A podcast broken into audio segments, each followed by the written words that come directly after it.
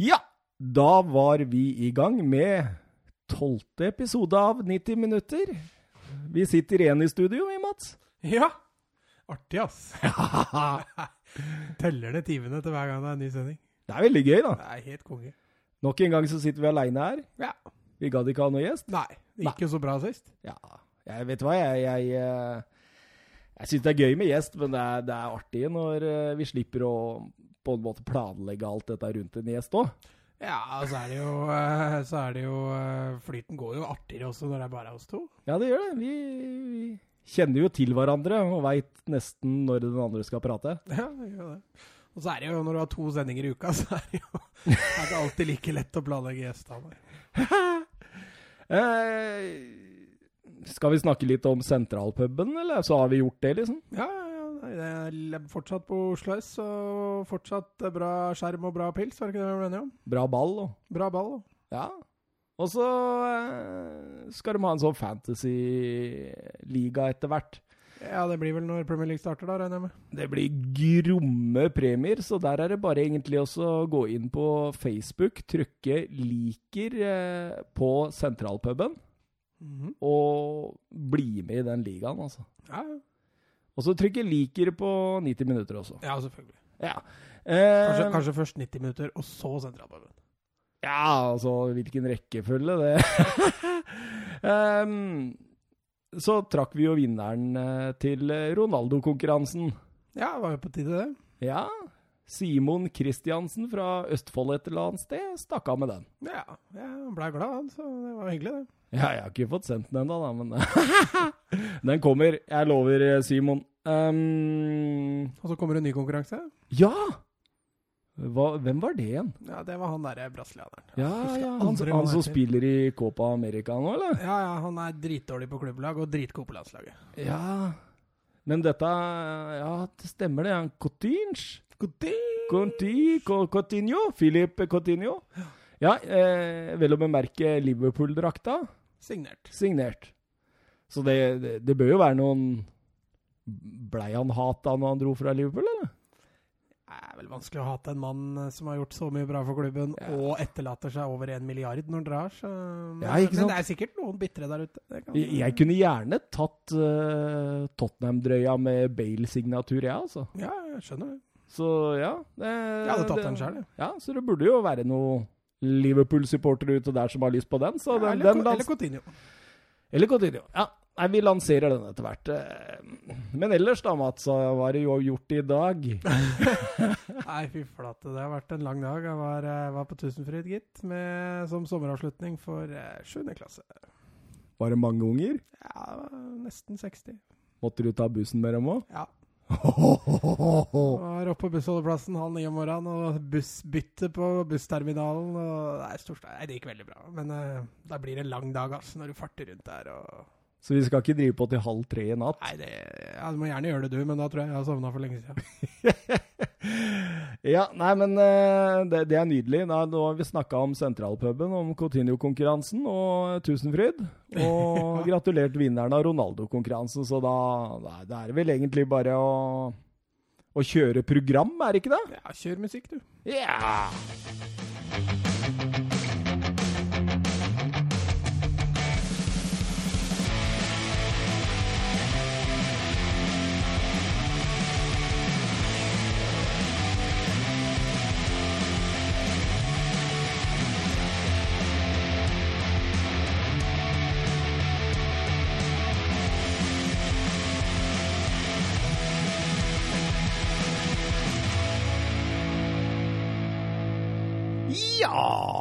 Var vi klare.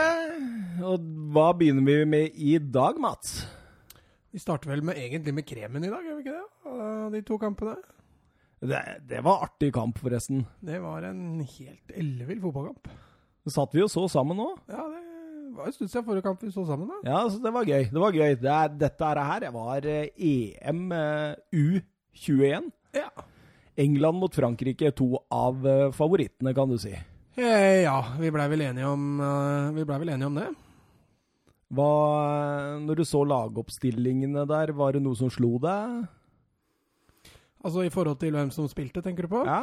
Ja, altså du, Når du ser eh, U21-oppstillingene, så tenker man jo litt uh, Hvorfor er ikke han med, hvorfor er ikke han med, eller hvorfor er ikke han tatt ut? Uh, det var gjerne troppene, da. Eh, Mhm. Men eh, det er klart, for, for Frankrikes del kjente jo ikke så godt til alle spillere der. Eh, eneste som overraska litt, var vel at Gendosi ikke starta.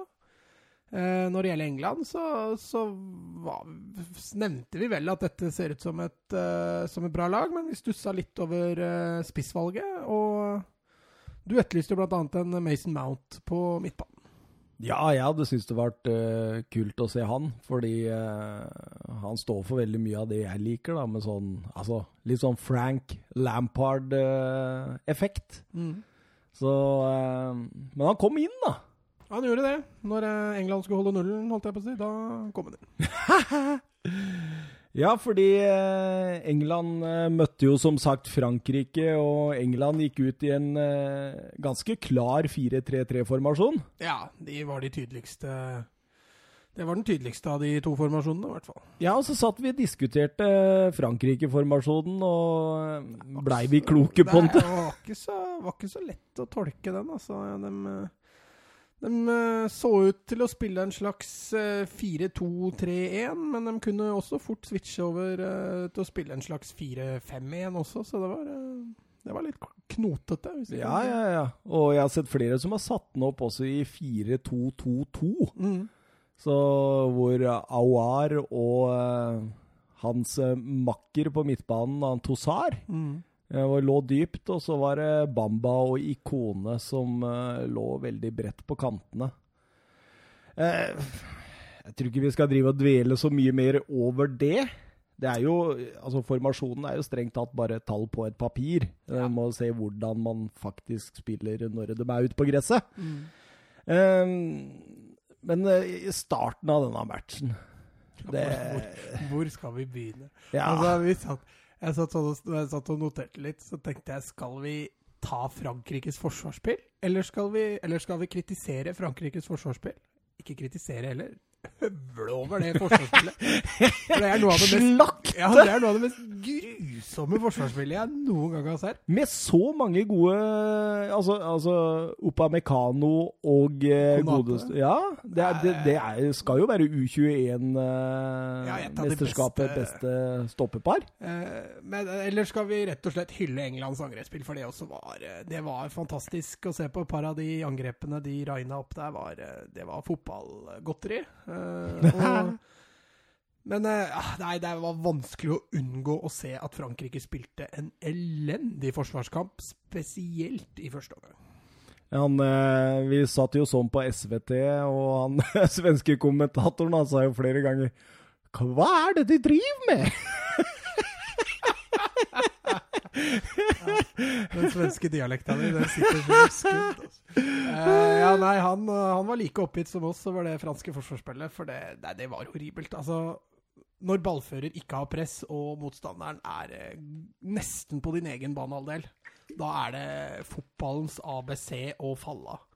Det gjorde Frankrike Aldri. nesten ikke i det hele tatt. Ikke med en eneste spiller. Og de blei jo voldtatt i bakrommet de første 20 minutta. Ja, det er helt vilt, faktisk. Altså, de eh, Altså, Vi veit jo at dette er et U21-EM, og at eh, ja, gutta er litt urutinerte, men eh, makan, altså. Og med den farta England har framover der, da, så var altså At ikke England eh, leda både tre og fire og fem der Altså, De var aleine med keeper tre ganger, og hadde også to-tre store tilløp hvor det ikke kom til avslutning, bare. Eh, Så Frankrike var rett og slett griseheldig for at de slapp unna og ikke tapte kampen de første 20-30 minutta der. Ja, når jeg satt og noterte kampforløp og sånn, så, så var det jo mange relativt store sjanser. Jeg sa til deg at eh, Nei, vi gidder ikke å ta den, for det er så mye her. ikke sant? For, altså, sjanser man hadde egentlig notert seg i stort sett alle andre kamper, da. Ja, Men og, og det var jo sånn at vi satt jo og så på hverandre og tenkte Dette er gøy! Dette er skikkelig gøy, liksom! det var eh, Nei, det var som jeg sa, det var, så var det fotballgodteri av en fotballkamp eh, der Og den hadde alt! Ja, den hadde ekstremt mye. Den hadde straffespark, var, røde kort og Var det var.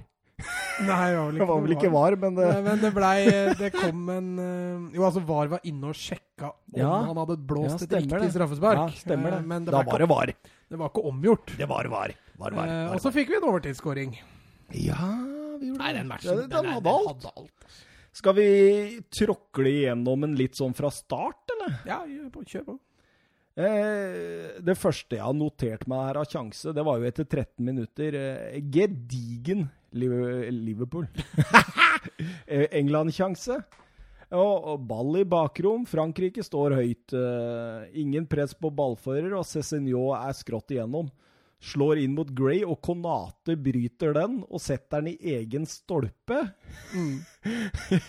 Det var uh, Men det var vel egentlig heller ikke den første ordentlige Nei. sjansen. Vi kunne ha tatt med flere før den, altså. Men Ja, ja. Men ja altså, det var den første gedigne Ja, sjansen. Det, var kanskje ikke første avslutning, kan ikke kalle det en avslutning heller, men den, eh, den endte jo opp i stolpen. Hadde jo blitt et sjømål, og hadde ikke han gjort det, så hadde jo eh, Gray bak Ja. der scora. så- Sannsynligvis. Og det var, jo, det var jo griseflaks at den går i stolpen og Ja, ut der, da.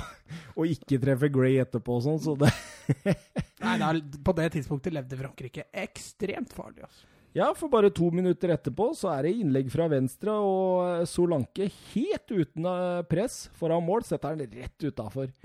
Og det var liksom litt sånn Solanke-kamp, egentlig. Kom til mye bra, men uh, Mangla sluttproduktet. Eh, For først, lite spilletid i klubblaget, tenker jeg man kan skrive under på det der. også, altså først og fremst første omgang generelt var passa Solanke veldig bra. Eller ikke veldig bra, passa han bra. Uh, med tanke på at han fikk brukt mye av styrkene sine.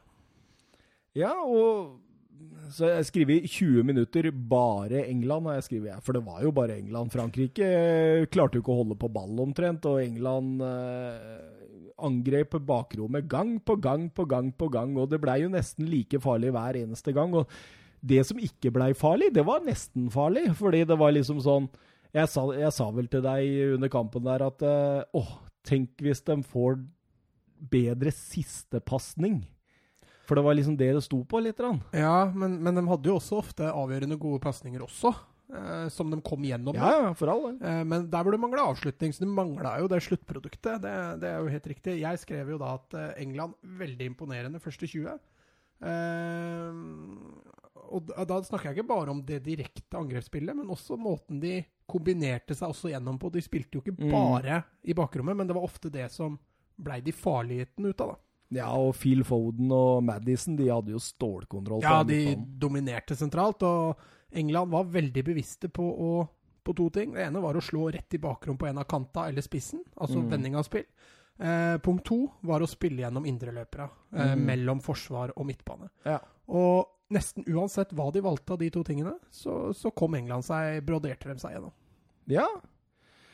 Og når vi tenkte da at det her kan det være to og tre, så fikk Frankrike straffespark.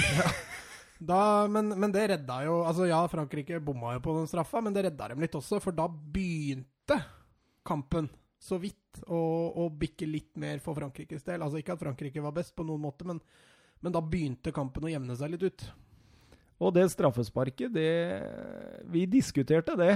Ja, Fordi eh, jeg er nok en gang på Morten eh, Langli sin, eh, sin side. At hens, hens, hens, alt er hens. Jeg blir så lei, altså. Fordi altså, nå, er, nå er det jo hvert fall Og, så sier du alltid til meg Ja, han er på mål i hvert fall. Da. Ja, men er i alle dager hadde keeper stått, liksom. Men nå er det jo i hvert fall konsekvent. Om, om, om vi kan diskutere Ja, dette er, det er England blir ganske hardt straffa. Eh, sånn som eh, Ja, annet i Copa America eh, senest i går kveld med, med Argentina blir jo Paraguay hardt straffa. Eh, Tragedie, vet du. men, eh, men da er det i hvert fall konsekvent. Ja. Eh, ja, altså jeg har jo etterlyst en rød tråd, men den røde tråden den har jo blitt eh, Rimelig tjukk. Ja, tjukk og selvlysende og alt på en gang, liksom. Mm. Det, det, nå, jeg, jeg, jeg er redd for at dette her kan ødelegge forsvarsspilleres måte å forsvare seg på. Jo, men mange av de de får jo ikke forsvart seg på noen andre måter, for de blir jo heada fra én meters hold. Ja, ikke sant? Det er Gjerne med ryggen til og sånne ting, og da, da blir det jo vanskelig å Ja, for Clark Salter her, liksom. Han det er, det er jo nesten ikke mulig for han i den duellen å ikke hense.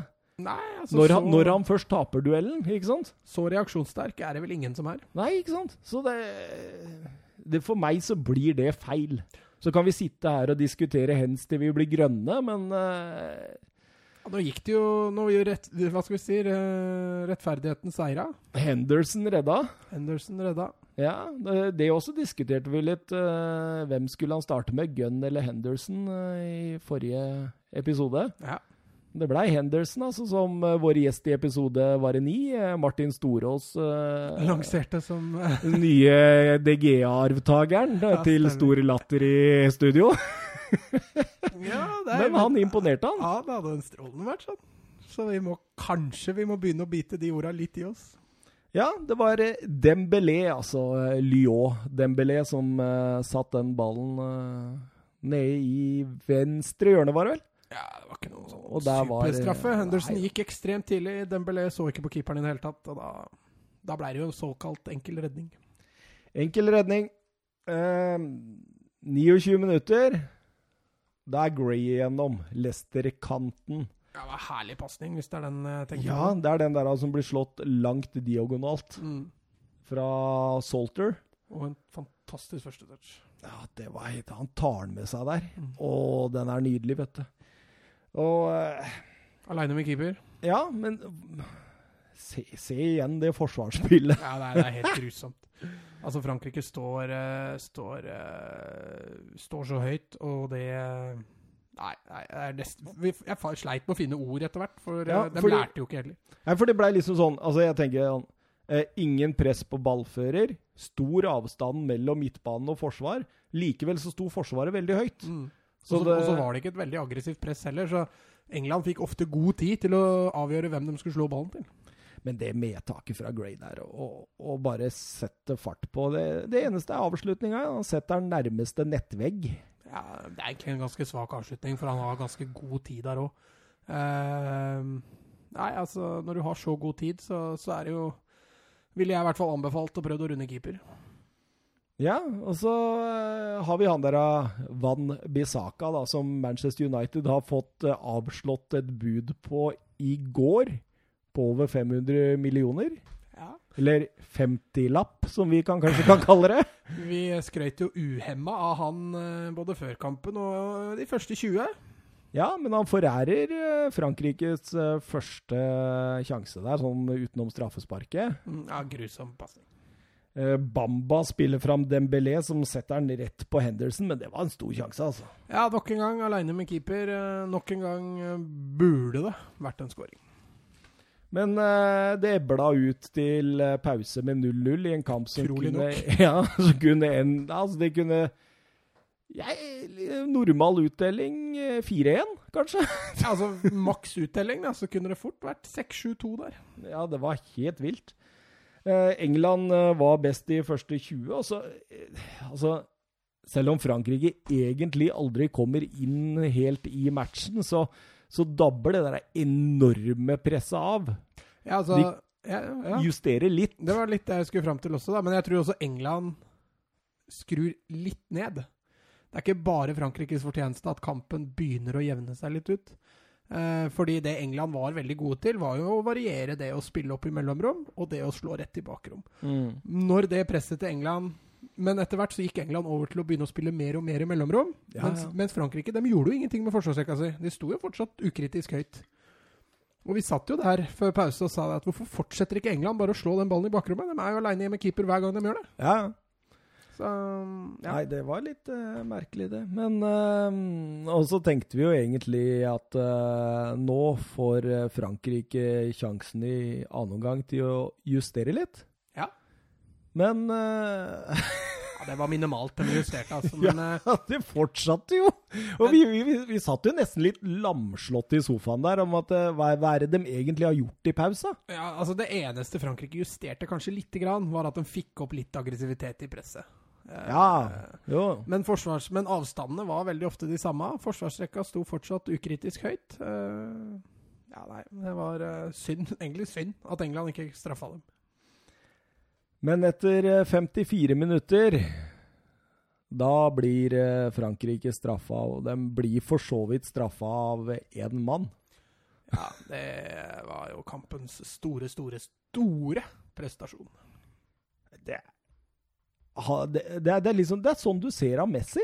Ja, det sa jo det. Og ingen annen, egentlig, nesten. Det er eh, Han eh, tar en tofotsfinte forbi to franskmenn og, og, setter fart rett mot stoppera. Og, og, tar en liten kroppsfinte som får stoppera på feil bein, drar den over på venstre bein. og tyngdeoverføring. Og så, som jeg sa til deg, også den avslutninga. mm.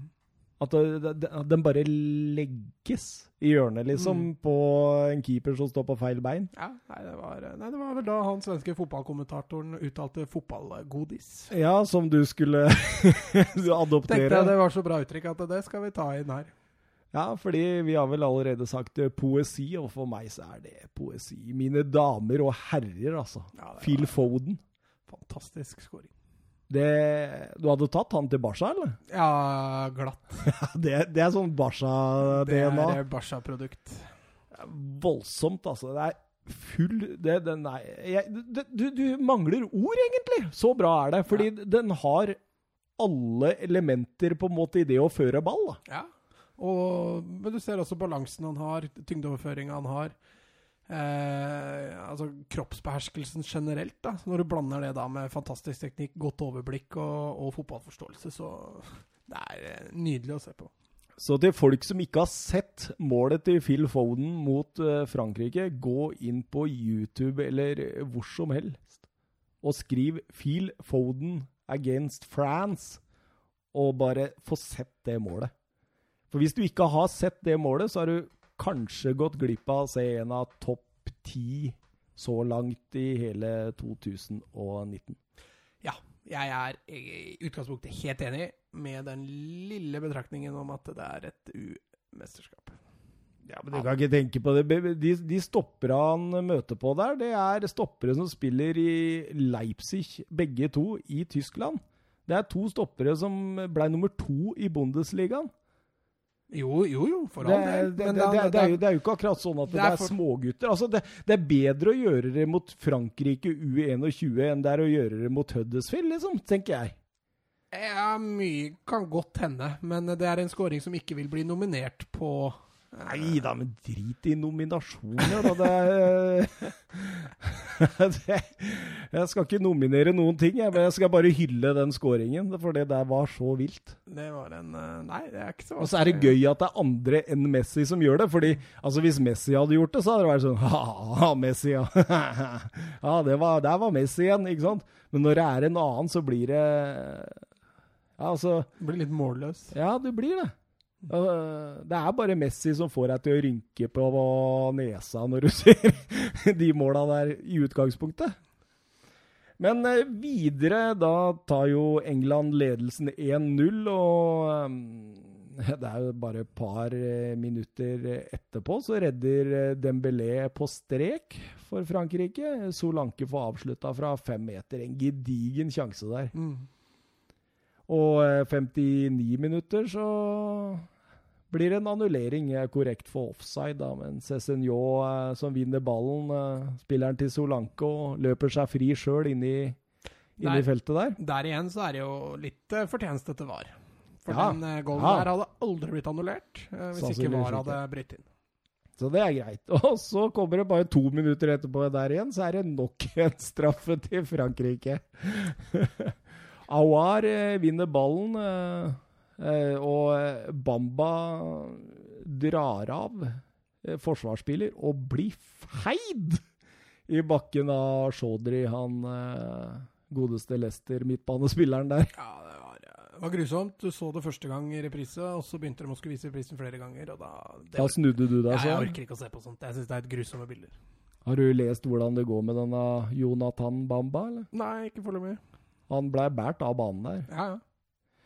Og uh, Chaudhry, han blei uh, sendt i dusjen. Ja, etter at, etter at dommer hadde vært og Ja, for det, den hadde heller ikke blitt tatt av VAR. Nei. Det var der, det er fordi dommeren hadde allerede gult kort oppå der. Ja, dommeren ga han først gult kort, og så Mm. fikk han beskjed av VAR om at eh, kom og titt igjen.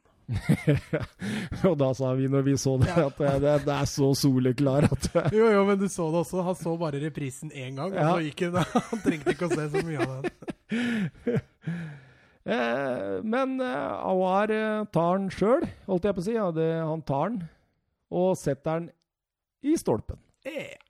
Og så tar han returen. Og da blir det dømt offside. Da blir det ikke scoring. Fordi uh, Awar var den siste levende tingen som uh, toucha ballen, og da kan du ikke ta returen. Nei, så lenge han går i stolpen og tilbake til straffeskytter, så teller det ikke. For straffespark, det er kun ett spark. Ja. Og da, da, kommer Mason Mount inn for Solanke, og så, og så kjører de Abraham og Calvert Lewin inn etter hvert også. Ja, der er det jo faktisk litt å snakke om. Det det Ja. For uh, han bruker dem ikke som tradisjonelle spisser, selv om det er noe begge de to er. Nei, han bruker dem jo som wingbacker, omtrent. Ja, og så spiller han da uten spiss. Ja, det ser ut som Mason Mount nesten får en sånn uh, falsk nier-opplegg, liksom. Ja, vi, vi, tenkte jo det at ja, kanskje, kanskje dette er egentlig veldig smart. Uh, vi får se åssen det går, men utover i matchen så Ja, fordi jeg, jeg, tror ikke det i utgangspunktet var så dum, dum tanke, fordi her er det jo snakk om også å ta kontringene. Ja. Og så spille ut fort ut på eh, hver sin kant, og så ta dem i ubalanse. Og både Abraham og eh, godeste Calvert Lewin har jo bra fart. Mm. Så du får jo to kontringsoppspillspunkt, uh, da. Men, men, minuset da, når du spiller uten en, uh, uten en uh, spiss, er jo det at du for det første får jo nærmeste England-spiller veldig lang vei til mål. Uh, I tillegg til at England har ikke noe klare oppspillspunkt. De er nødt til å klare å holde på ballen litt grann for å få nok spillere høyt i banen. Og det er jo der jeg mener England bommer. Men du, du så det var det de prøvde? Ja, ja jeg, jeg skjønte jo, vi skjønte jo planen. Det gjorde ja. vi begge to når vi satt der og så på og tenkte at ja, det kan jo selvsagt fungere. Men, men, England makta jo ikke å greie å holde på ballen lenge nok. Eh, de fikk jo et par spede kontringsforsøk, men, eh, men, det blir rett og slett for langt fram til mål for nærmeste England-spiller.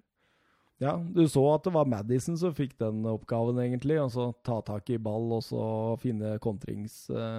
Ja, han og, Foden, han og, Foden, fikk jo litt mer defensivt ansvar, og det, det, er jo to spillere som du i utgangspunktet ønsker å se mest offensivt. Da.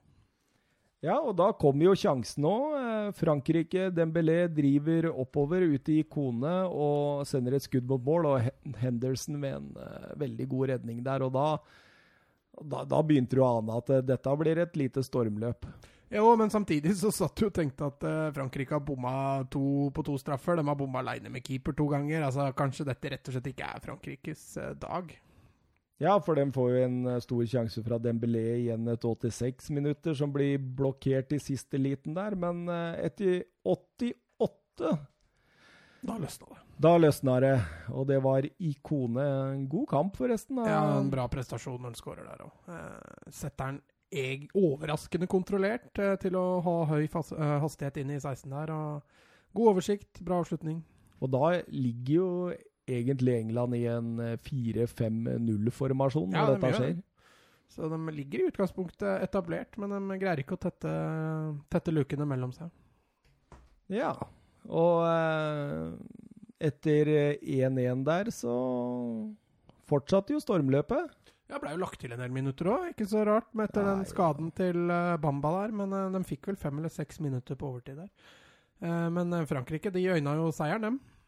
De gjorde det, og de tok den, men det var ikke av sine egne. Det var heller av en England-spiller. ja, det var, det var klovner i kamp bakerst der. Der har jo Henderson full kontroll på den avslutninga, men. Van Bissaka ville det annerledes. Ja, Matata avslutter der fra en corner, og den skal jo egentlig, egentlig bare sprette ja, til Henderson. Og så beiner Bisaka ballen opp i nettaket der, og det er, ja, det, det er full panikk. Det er nesten verdt å be folk YouTube det òg, for det, det, er, det, er, så klønete forsvarsspill at det Nei, eh, nesten litt ubeskrivelig, det òg. Han lærer sikkert av det, da. Ja, men altså, han burde jo ha oversikt nok der til å se at Henderson har full kontroll. Allikevel så bestemmer han seg for at nei, den skal jeg klarere, og så tupper han den ballen rett opp i nettaket. Så det er eh, ekstremt klønete forsvarsspill. Og da, var en fantastisk god kamp hvor England hadde fortjent å vinne med ganske klar margi margin. Snudd etter ett rødt kort og to, eh, to mål. Ja, eh, etter 60 minutter, når eh, England får det røde kortet, så, så er England har vært det klart beste laget. De har skapt klart flest sjanser og klart flest nestenmuligheter. Eh, Det er det laget med, med best taktikk, det laget som, eh, som eh, har fått til mest. Mens det røde kortet, det, det endrer kampbildet egentlig totalt. Ja, Kan skylde seg sjøl. ja, litt fordi England legger veldig om til en defensiv formasjon og, og overlater alt ansvaret til Frankrike. Og litt fordi Frankrike sikkert mentalt får en opptur når de får en mann mer. Jeg ser jeg har skrevet på slutten her, når kampen var ferdig, i England eh, klart best. eh, Utvisningen eh, kampavgjørende. Men var taktikken rett av Bothroyd? Ingen oppspillspunkt og det er jo vanskelig å sitte her og være kritisk til når vi så han gjorde det og tenkte ja, det er kanskje ikke så dumt. Så det, Ja, det- altså- det, altså, det er jo en Van Bissaka som gjør at de ikke blir 1-1.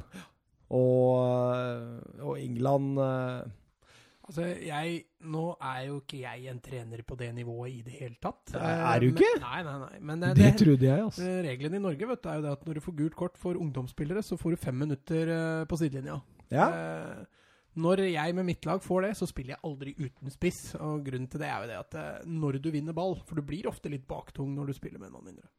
Eh, Når du da vinner ball, så er det, synes jeg alltid det er fornuftig å ha et oppspillspunkt. Mm. Både en som kan jage og stresse motstanderen til å spille tilbake. eh, Men også hvis du da får tak i ball, så får du muligheten til å flytte laget ditt opp.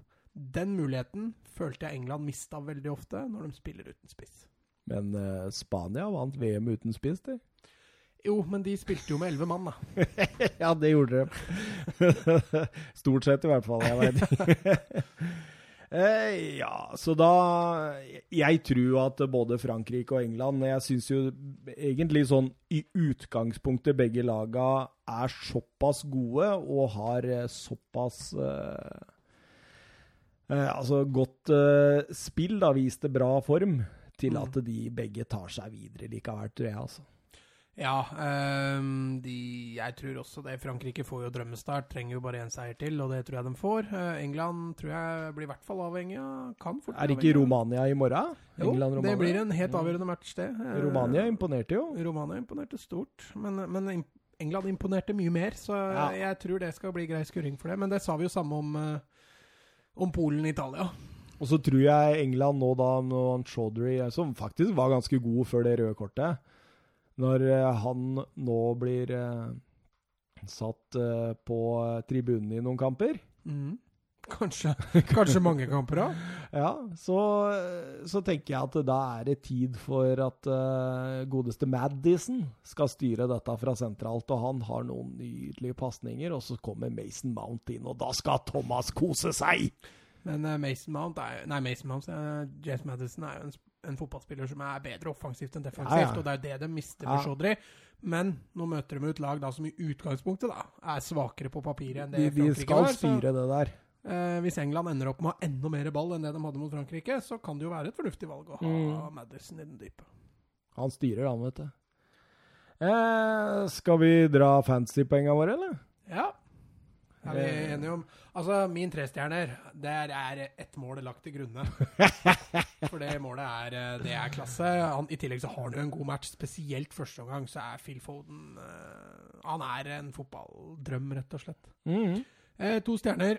Eh, spiller generelt en god match. Eh, offensivt, først og fremst.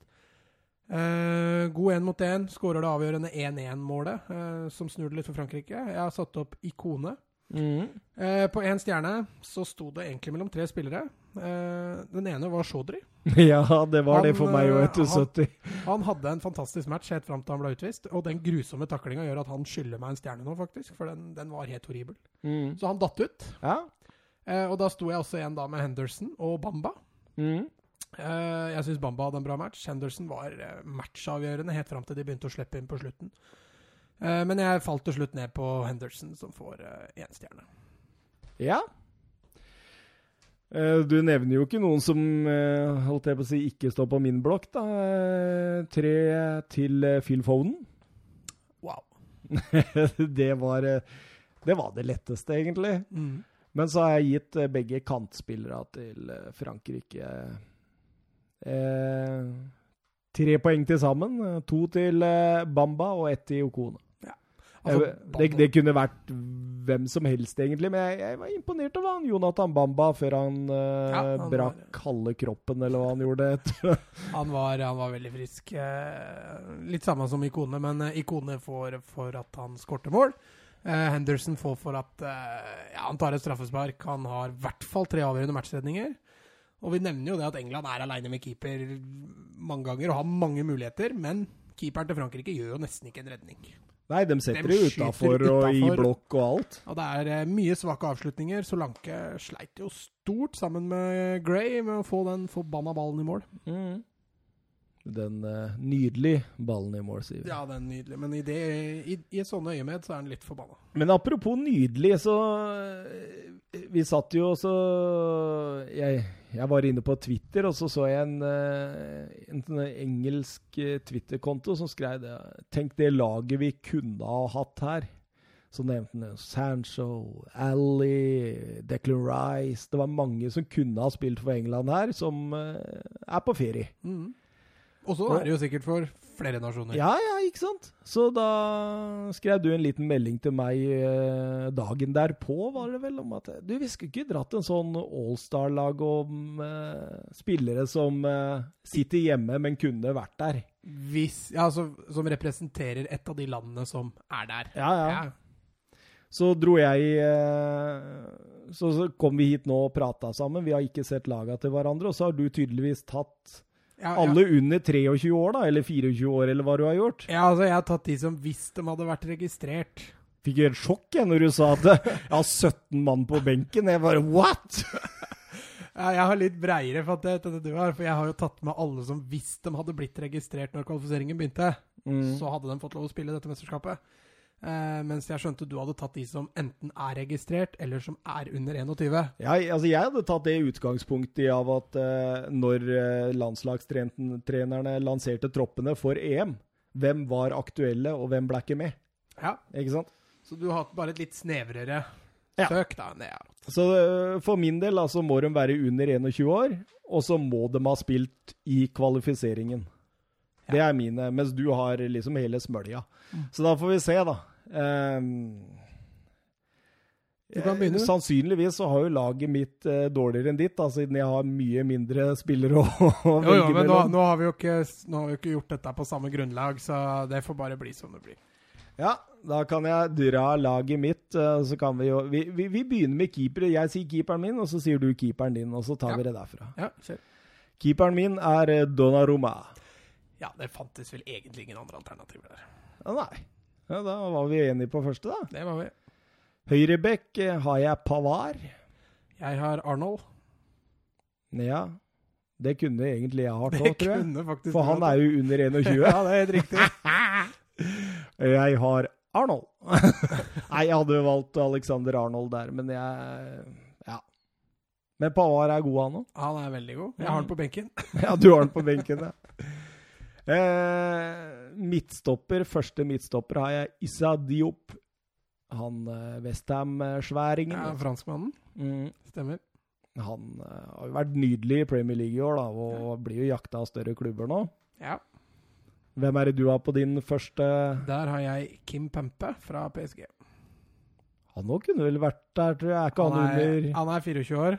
Å ja, han er det, ja. han er- Så nei, og da har han ikke spilt kvaliken, eller så hadde jeg fanga det opp. Han, hvis han hadde spilt kvaliken fra starten Mm. av, så kunne han spilt dette Ja. mesterskapet. Men han er om han var registrert fra starten av, det veit jeg ikke. Han kan ikke ha Fordi jeg fant jo den der sida, vet du, med de som hadde spilt uh, Kvaliken. Mm. og der var han ikke. Nei. Da hadde han stått på min liste. Ja. Uh, Lucas Hernandez har jeg på den andre stoppeplassen. Ja. Stopper. Jeg har uh, Syle. Niklas Syli, ja. Han eller har ikke Han spilt noe kvalik. han er også Ja. i den samme kategorien som Kim Pempe. Men Lucas Hernandez er ikke langt unna Syla, han altså. Nei, men jeg har han på venstrebekken. Ja, ok. Der er jeg Ben Shilwell. Ja, han er på benken. Mm. Skal vi se, åssen formasjon har du satt den i? 4-2-3-1. Ja, for jeg har satt den i 4-3-3, jeg skjønner. Ja, men jeg kan godt gjøre den om til en 4-3-3, men da blir det en veldig offensiv indreløper, da. Ja ja, men det er jo greit nok. Eh, Dypt i den treeren på midtbanen så har jeg eh, Declan Rice. Det har jeg òg. Ja. Så har jeg høyre indreløper Tangai Ndombele. Det har jeg òg. Og så har jeg venstre indreløper, indreløper Delali. Del Alli. Ja, nei, der har jeg egentlig en offensiv midtbane da, som jeg får trekke ned, eh, og der har jeg Ascencio. Ja, han sto heller ikke på den lista, nei. Nei, men han er jo Men, Han- syns du Ascencio er bedre enn Dele Alli? Er du steike stokke gal, eller? Jeg ville foretrukket Ascencio. Jeg liker spillestilen hans bedre enn Dele Alli sin.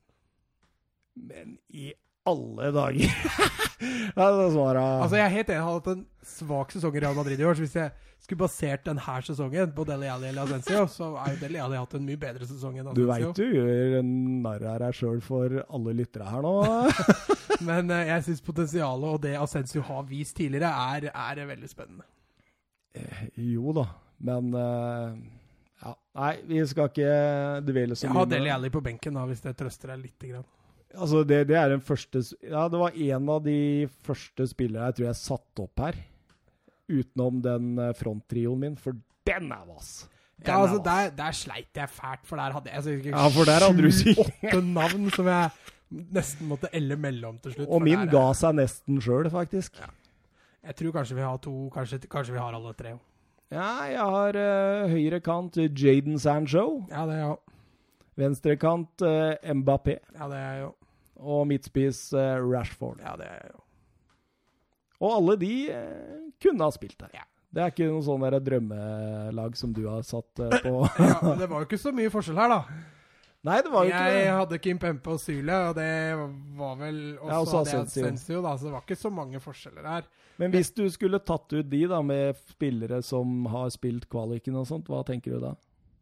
Du har ikke kontroll du, på hvem som spilte kvaliken og ikke. Nei, men altså, Jeg har ikke sett på hvem som spilte Jeg har bare sett på hvem som ja, hadde vært gamle nok. skjønner, skjønner. Eh, Så jeg har ikke gjort den samme hva skal jeg si, researchen som du har gjort. da Men jeg kan jo ta benken min, da. Ja. Der har jeg Leroy Sané. Han har jo heller ikke spilt kvaliken, fant vi ut. Mm. Eh, eh, Gomez fra Liverpool. Winks, Pavard, Werner, Timo Werner. Eh, Dembélé fra Barca. Rodri, snart eh, City. Havertz, Chilwell, Brandt, Koman, Tilemans, Ally, Odoi, Loftus Cheek, Alenya og Brahim Diaz. Benken min er litt, uh, litt mindre, eh, Ja, had- du hadde nok. benk, altså? Ja, jeg hadde jeg en liten benk. hadde benk. Ja, men jeg hadde en liten benk. Det er uh, Dembélé, Barca Dembélé. Jeg Han, kunne, han kunne også. vært med. Okay. Eh, Kai Havertz irriterte meg at jeg ikke fikk plass til den. Mm. Men jeg fikk jo ikke plass til den, så da ble det benken på den. Harry Winks og Region. Han, eh, Spanjolen. Spanjolen, ja. Han venstrebekken til eh, Real Madrid. Eh, også- Ruben Loftus Cheek, ja. Ruben Loftus. Ikke Odoi. Mm, ja, men han er skada, liksom. Det Ja, var men litt er vel Loftus Cheek òg. Ja, han er det. Ja, men da, da sier vi begge de to da, på benken. Ja. Men, eh, men det var, men, var men ikke- idet jeg satte opp eh, Rashford, Sancho, Mbappé, så tenkte jeg ikke mer på den, på en måte. Og så så jeg Kai Havertz, og så tenkte jeg Å, jeg har så lyst til å ha han med. Men det måtte jo vært for Sancho, da.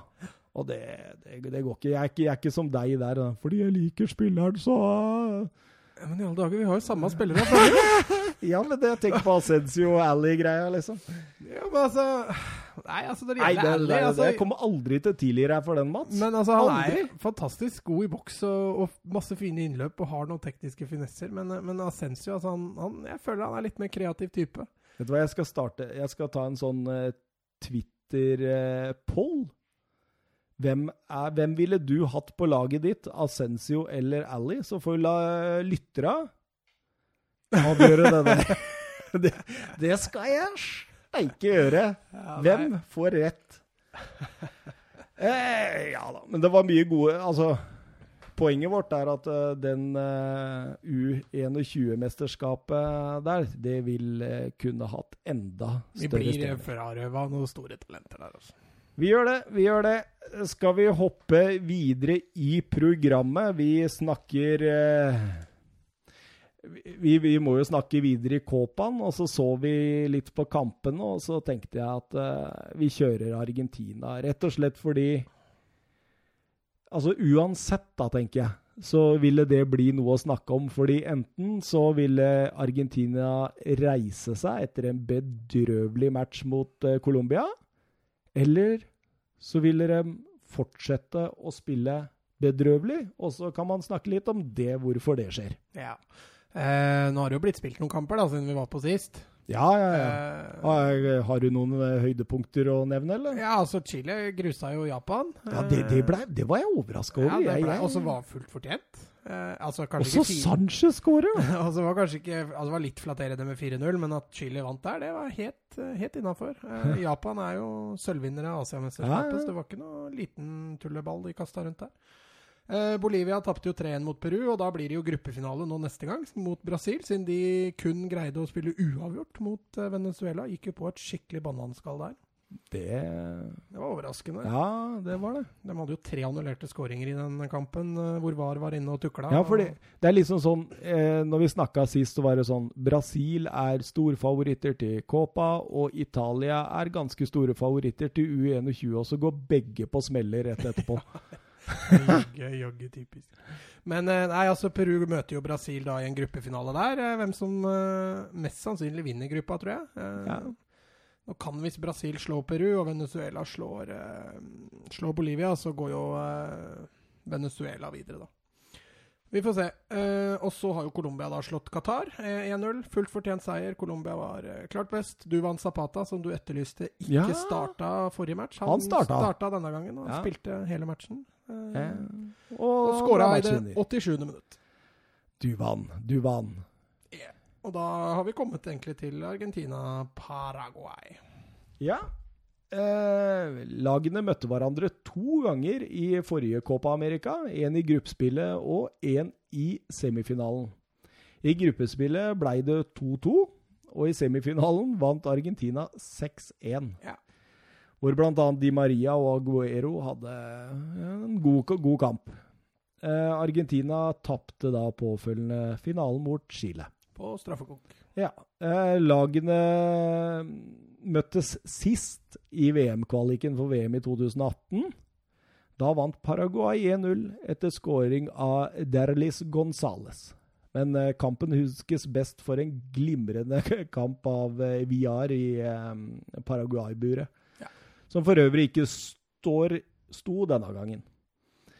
Eh, Scaloni gjorde hele fire bytter på laget siden 2-0-tapet mot eh, Colombia. Og det Han gjorde jo i hvert fall to av de byttene vi sa at eh, jeg, jeg skulle vel muligens sykle til Sandnes igjen, var det ikke det? Hvis ikke han bytta ut han eh, sentrale på midten der. Og det, det gjorde han. Ja, Guido måtte ofres. Ja. Og så Di Maria røyk jo, og, eh, og han uh, Hva heter han, han godeste Aguero, tenker du på? Ja.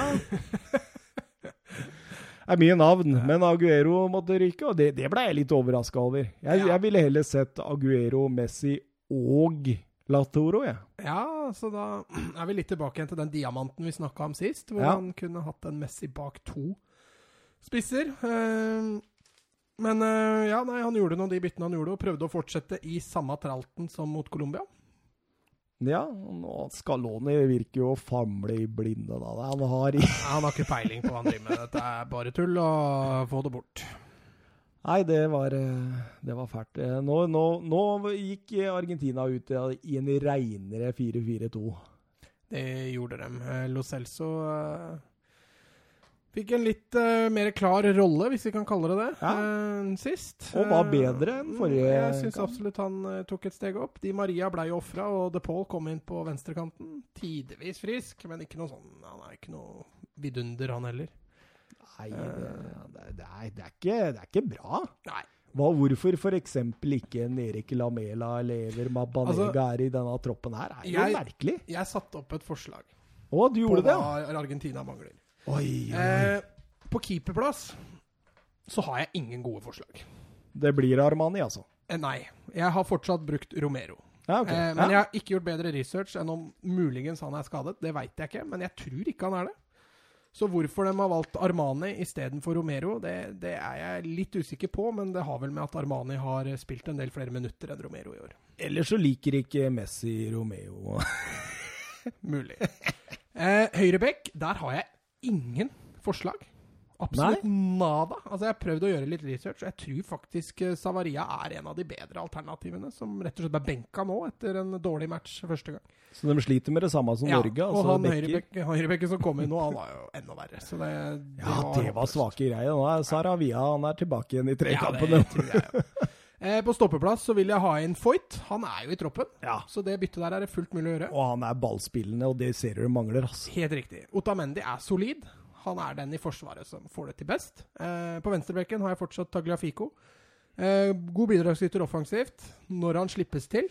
Eh, og venstrebekk også. Var nære et rødt kort i denne Ja da, Han her. han spiller kanskje litt på kanten her, men det var mange argentinere som ble frustrert. Ja, det var det.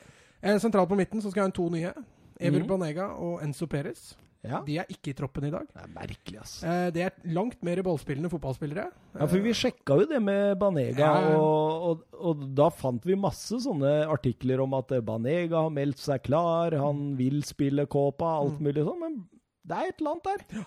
Nei, altså Enzo Perez og Ever Banega det, det er bedre ballspillere enn det de har prøvd til nå. Og, altså Jeg ville ikke fjerne Alejandro Paredes fra troppen, eh, men han kan være en bidragsyter fra benk. Ja.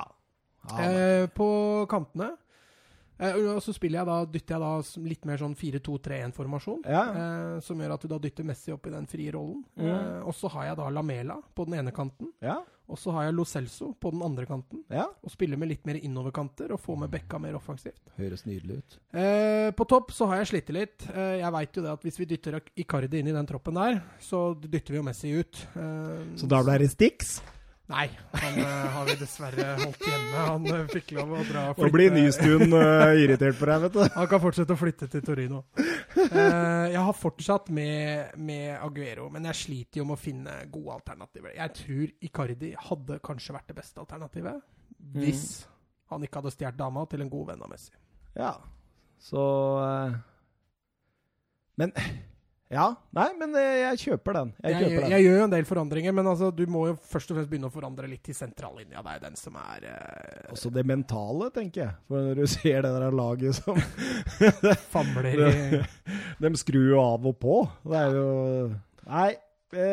mm, fra start av så er det jo Kampen ble voldsomt prega av to lag som vet at tap her betyr at eh, det er sannsynligvis ut av turneringa. Eh, Paraguay kom i en 4-4-1-1 med Miguel Almiron rett bak den gamle Ståle Solbakken-eleven eh, Federico Santander. Ja.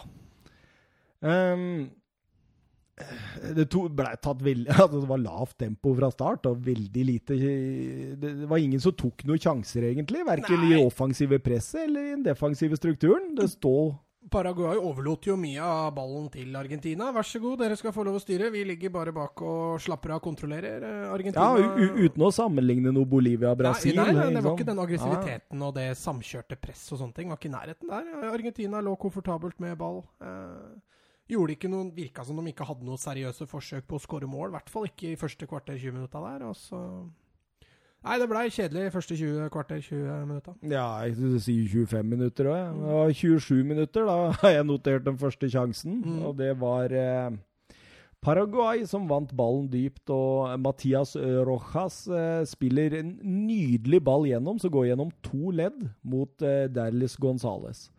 Santos-angriperen prøver selv fra skrått hold, men Tagliafico kommer og blokkerer det skuddet i siste liten, så han går til corner. Mm. Det er vel liksom Det er det første å snakke om i løpet av hele halvtimen, liksom. Ellers så var det lavt tempo. Jeg, jeg, jeg er fryktelig glad for at jeg ikke satt oppe til halv to i natt, men uh, slo på den jeg våkna dagen etterpå. For jeg jobber turnus, og jeg hadde fri i dag. Ja, ja. Nei, jeg så den kampen etter jeg kom hjem fra Tusenfryd. eh, Og det var god sovemedisin. Holdt jo på å slokne der. eh, Men igjen så er det et bra bilde på at Argentina mangler så mye aggressivitet i forsvarsspillet sitt. Det blir store rom, og Paraguay har jo ikke noe sånn voldsomt utprega kreative spillere. Utenom Almeron. Ja, ja, selvfølgelig. Han, eh, han glemte jeg å nevne. Eh, men, men det var jo ikke han som slo pasningen heller. Nei, Så- absolutt ikke. Men det er et godt bilde på, på at eh, det er mye rom å angripe når Argentina ligger i forsvar. De mangler aggressivitet. De flytter ikke beina kjapt nok. Ja, og bare noen minutter etter det, så, så sitter han faktisk. Da veldig pen skåring òg. Ja, det var nydelig. Eh, Almiron eh, han eh, lekser oppover venstresida der og eh, setter på turboen med ball, og gjør egentlig narr av farta til både, både Pereira der og Pesella. Drar seg helt ned på venstresiden og legger ballen nydelig inn, så han kommer tilbake igjen på 11-metersmerket omtrent. Der eh, stuper Rikard Sanchez inn og setter ballen på første touchen i nedre hjørne. Ja. Eh, men, Litt, u, litt ureint treff. Eh, det var litt sånn hell i uhellet der. eh. men jeg, jeg tenker, hvorfor følger ikke han der av De Paul på Sanchez der? Hvorfor ligger han ti meter bak? Altså, jeg har skrevet på Åh, jeg jeg blir helt fra meg. Der, der ser du to argentinere, både Lo Celso og eh, De Paul, som tar et halvveis returløp. Ja, altså, Det er ingen som følger løp, og det er ingen som plukker opp når han kommer i boks. Når det innlegget slås, så er det kun Argentina sine forsvarsspillere som er i 16-meteren. Ja, Og eh, Almiron, for all del, vi skal ikke ta fra han den prestasjonen der, og et kjempebra dypt løp av, av Sanchez, men eh, igjen, altså, svakt, svakt eh, forsvarsspill. det er, det er grusomt, og spesielt eh, returløpa der. Det. Ja, det er helt forferdelig. For å si det sånn, kommer Los Celsos til Spurs og eh, gjør det der, der under Pochettino, da tror jeg han får, eh, får høre det. Ikke ufortjent eh, i det hele tatt. Eh, Argentina produserer nada. Nei, de har ikke produsert en skeit. Og Paraguay har egentlig hatt det som var av tilløp. Og, og det Nei, det Vet du hva? Jeg veit ikke hva jeg skal si, altså. Nei, Den første omgangen ebber ut i 1-0 og har vært en egentlig dørgende kjedelig fotballkamp. Ja. Eh, når du sammenligner dette med England-Frankrike, så er det jo Ja. Det er jo som å se maling tørke. ja Og det, når du veit du har verdens beste maler som står og maler der i tillegg, så er det Men, men, men før vi går til pause der, skal, skal vi ta den der uh, Armani uh, var ute og dempa han der, eller? ja, helt nydelig. Alltid, det er det jeg sier til gutta mine òg. Prøv å dempe ballen med leggbeskytteren. Det er alltid suksess.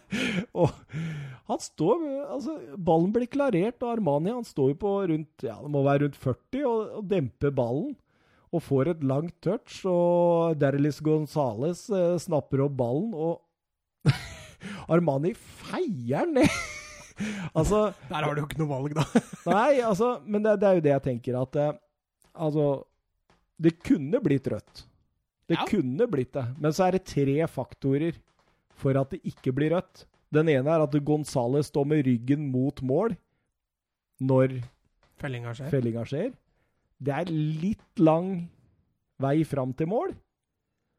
Og Gonzales hadde vel ikke hatt åpent mål om han hadde vært rettvendt heller. Fordi det hadde vært Det er to argentinske er forsvarsspillere på vei inn der. Men det ser veldig arrogant ut når han prøver å dempe den ballen der, altså. Ja, nei, det er, eh, det er keeperspill på lavt, lavt nivå. Han, eh, der igjen viser, sier jeg litt hvorfor at eh, selv om Romero er ute av kamptrening, så Så kjør Romero. Ja, for all del. Ja.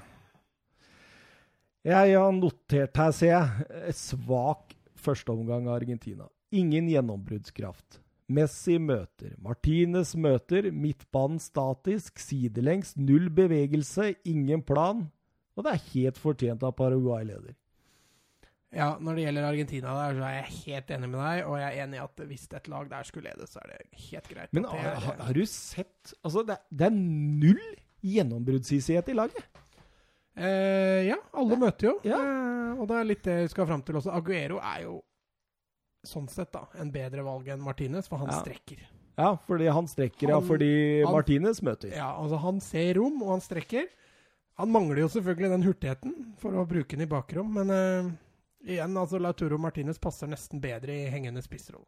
Ja, det er jeg egentlig enig i. Og du ser også kantene til, eh, til Argentina der er eh, De er ikke veldig spesielt hissige på å komme inn bak, eh, bak bekkene. Pereira fikk jo, fikk jo muligheten, og han, eh, han ser litt eh, kamp... Han, det er som jeg var inne på sist, han har ikke vært god siden jul, altså. Nei, og det var han ikke nå heller. Han var veldig god for Watford fra august til desember. Mm. Og så har han sett ut som en helt medium eliteseriespiller omtrent fra, fra desember og ut. og det bare det at han blir tatt med der, kan du lure på om han der Scaloni egentlig følger med. Mm. Fordi Ja, nei, det er helt håpløst.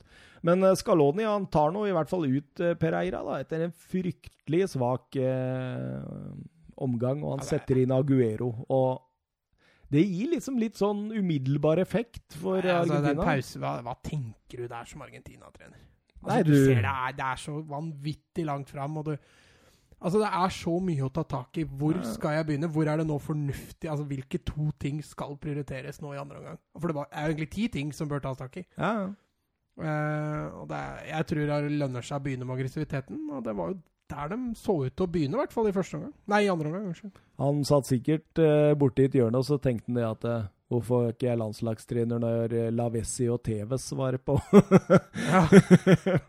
For å få litt gjennombrudd. For det, det, det må jo Altså, han er jo ikke så dårlig sannsynligvis at han ikke ser det. Nei, nei, nei, jeg tror han sikkert har fått med seg mye, men, eh, men så har han jo ikke noe særlig erfaring som trener på dette nivået. Så snur du deg i garderoben, så ser du rett i øya på Messi og Aguero, og du ser rett i øya på en Di Maria som sitter på benken. Ja, han er nok litt uh, Ikke ukomfortabel, men uh, jeg tenker Messi, Litt rådvill, kanskje? jeg tenker Messi bestemmer, jeg. Altså, det har jeg sagt før òg.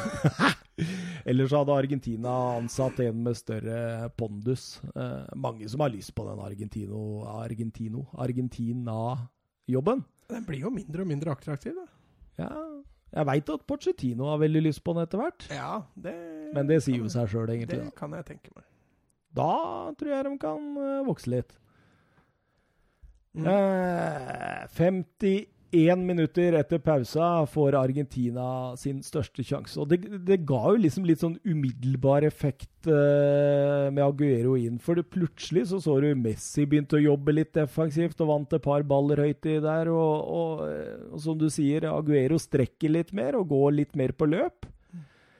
Og det åpna seg opp, og, og han godeste LePaul han eh, slår en ball ut til Aguero, som har et nydelig medtak der, forbi stopperen, og legger den inn til Latero eh, Martinez, som setter ballen i tverra. Og ut. Eh, Messi tar den eh, ned igjen, vender og skyter, men Roberto Fernandez gjør en nydelig redning. Eller, det var ikke så nydelig, men den var helt grei. Eh, så går VAR inn. Så kommer VAR ut. Ja, da kommer VAR. Tar hens på han godeste Hva er han het igjen? da? Piris? Piris? Ja, Høyrebekken? Ja. Mm. Eh, for de ser jo det at Martinez' skudd som går i tverra, da den går eh, innom hånda hans. Ja.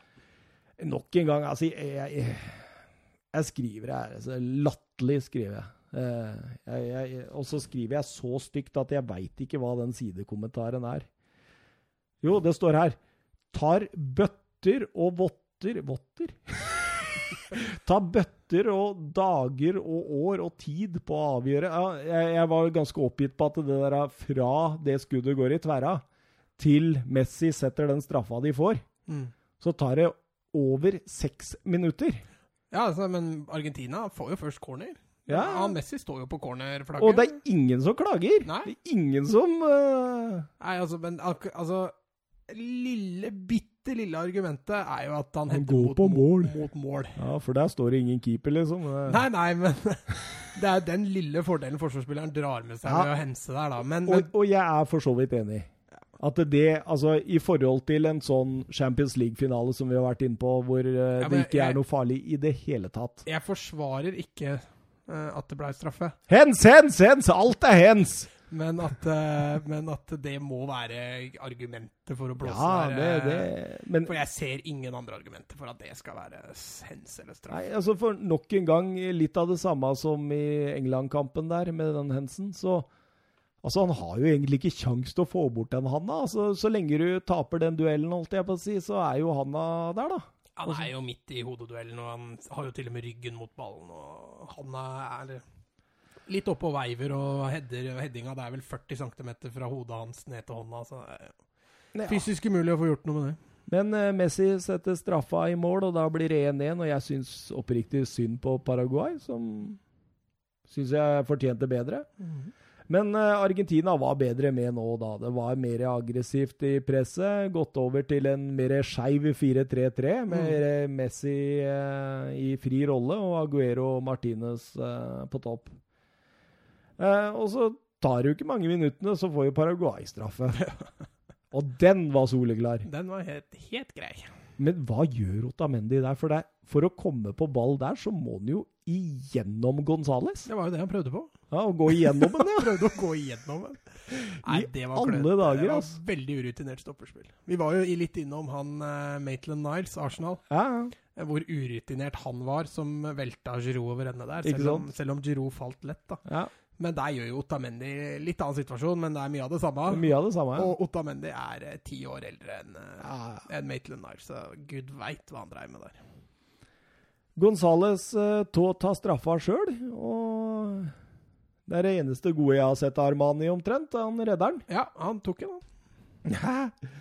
Eh, hva syns du om det, at den som blir felt, eh, tar straffa? Eh, altså det mener jeg er en eh, mental greie. Eh, det skal jo ikke ha noe å si, hvis ikke du faktisk er skada, blir skada. da. Så får du alltid høre at det er feil. Ja, du får jo alltid høre, men det er fordi det har blitt en greie. Ja. Og det kan godt hende han som tar straffa også tenker litt på før han skyter, og mister litt fokus. Men, men jeg tenker litt uh, Scaloni, da, fordi i denne, altså Utenom det straffesparket der, da, så så er dette her, her det er den beste fotballen jeg har sett av Argentina i Copa så langt. Og det var tynn suppe. Ja, men det er den beste. Og da finner han ut at da skal vi ha inn Di Maria, og så, så, og så ødelegge litt på den skeive 4-3-3-formasjonen som faktisk viste seg i hvert fall å produsere litt. Ja. Nei, Jeg Maria- skjønner, jeg skjønner virkelig ikke det byttet, ass. Nei, han fortsetter jo bare å være der han slapp egentlig fra første omgang sist, han. Og apropos dårlig form på han Pereira, han Di Maria, han er ikke i voldsom form, han heller. Nei, han, eh, han sleit eh, Ja, nei, jeg, vanskelig å er helt enig med deg. Jeg sliter med å se Men det har vel litt med at Di Maria har et stort navn og forventer å få spille. Jeg vet ikke. Ja, men det har TV så, det må jeg se ikke han der. Nei, men Han har hatt glansdagene sine. Det har for så vidt Di Maria òg. ja. eh, og så synker tempoet igjen. Kampen blir nesten død. Sånn helt uten Ja, det satt der og fra 75 minutter og 90 minutter, opp til 90. Ah. Jeg sitter og irriterer meg så sinnssykt grønn og Ja, det det, argentinske landslaget der. Du som har litt sånn kjærlighet òg. Ja, altså, det, det så ut som de ga rett og slett F, altså. Ja, i det. hvordan dette går. Ja. Uh, det var ikke noe innlevelse, det var ikke noe engasjement, det var ikke noe følelser. Uh, alt det lille aggressive, aggressiviteten de hadde hatt uh, rett etter pause, var borte. Det høye presset forsvant. Nei, og når de vant ballen, så gikk det utfattelig treigt framover. Jeg gadd ikke å notere en puck mer etterpå. jeg. Altså, det, det bare ebber ut, og de står og spiller fotball og ser på hverandre, og ingen tar løp. øh, Og, det- og Messi òg. Jeg syns ikke han, han Han viser jo ikke at han er en captain der. Nei, han, han hadde de 20 minutta etter pause fram til de får straff. Nei, fram til eh, Paraguay får straff, og så dabber han av også. Det. Nei, han, eh, han hadde 20 gode minutter, og ellers var det, var det tynt fra hans side. Ja, så det ebber jo da ut. Det Var vel åtte minutter overtid der. øh, På grunn av VAR og alt mulig rart. Eh, Paraguay eh, eh, skal jo ut da mot et allerede eh, klart eh, videre mm, Colombia. Ja, Argentina får en kjempeutfordring, for eh, Colombia er allerede gruppevinnere. Ja, så de kan jo Eh, slappe av litt. De kan kommer til å hvile mange spillere. Ja. Eh, skulle Paraguay eh, vinne mot Colombia, så er jo, eh, må Argentina satse på at fire Hvis de slår Qatar, da. Hvis vi tar den uh, uansett, så må de jo slå Qatar. Eh, så må de håpe på at fire poeng er bra nok for å bli en av de beste treerne. Ja.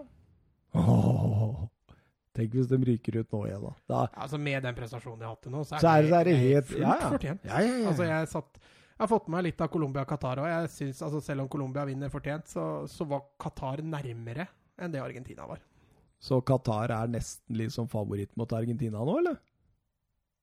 Ja, At det er 55-45 favør Qatar, det, det, det, mener jeg faktisk. Altså Det Qatar har vist i de to kampene, og det Argentina har vist i de to siste kampene, så er jo Qatar prestert best. Skal vi ryke på uh, fantasy-poengene våre, eller? Ja, jeg, jeg, prøvde jo å finne plass til noen argentinere, da, men det blei veldig vanskelig. altså. Så Almiron får tre. En eh, meget god kamp. Ja. Uh, er et bra oppspillspunkt for, for, Paraguay når de skal holde litt på ballen oppe. Han er pådriveren på, på 1-0-gålen. Mm. Eh, to poeng går til, eh, går til Gomez stopp, på stopperen. jeg syns han er ganske Men det er litt samme som du hadde sist med Jeremina og ja. Og uh, Sanchez altså han har ikke sånn Det er forholdsvis gode arbeidsforhold, ja. men han er solid. Ja. Uh, og den siste går til målskåreren på uh, Sanchez på Sanchez på Paraguay. Paraguay. Han løper mye og, og har, har, et par fine dype løp der. Viser, litt, viser mye mer interesse han aleine enn det hele Argentina gjør. Ja. Ja, jeg er enig. Um, jeg har tre poeng til en du ikke hadde på, og det er sjeldent! Det er ikke så ofte. Nei, det er sjeldent. Jeg har uh, på målskårer uh, Derlis Gonzales. Ja, han bomma straffesparket, da, men han Han var ikke eh, målskårer, han. Var han ikke det? Nei, nei, nei, nei, nei, nei, nei, nei. Jeg har surra litt i notatene her, men jeg, Derlis Gonzales, det står jeg for. Ja. Jeg syns han var eh, ekstremt frisk eh, på kanten der. Det er jeg for så vidt enig i. Jeg har egentlig Jeg hadde fem eh, Paraguay-spillere før jeg hadde en argentiner. Jeg har en argentiner, skjønner du. eh, Almiron, to poeng. Ja. Eh, kunne like godt vært Almiron tre, men jeg, jeg, jeg, har jo proklamert min kjærlighet for Almiron før, da. Mm. Så da tenkte jeg liksom du hadde først hadde en OK-kamp? Ja, så, så ville du eh. Ett poeng til Lionel Messi. Uh, altså, jeg blir, er litt sur på Messi og Argentina. For det, ja, du, du, du, men, men, samtidig så syns jeg han spilte bedre i denne kampen enn han gjorde mot Colombia da du ga han var det to. Ja, men Så jeg satt og tenkte litt på det, fordi Men jeg sammenligner med motstanderen nå, da. Ja, ja, ja. For Colombia ja, de var jo mye bedre enn uh, Paraguay. Absolutt. Men uh, ja, da har jeg i hvert fall gitt et poeng til Messi. Han er jo verdens beste fotballspiller. ja, Men jeg tar fortsatt ikke inn Deli Alli i laget mitt på Nei, men det gjør lytterne våre på den pollen jeg snakker om, så det bekymrer meg ikke.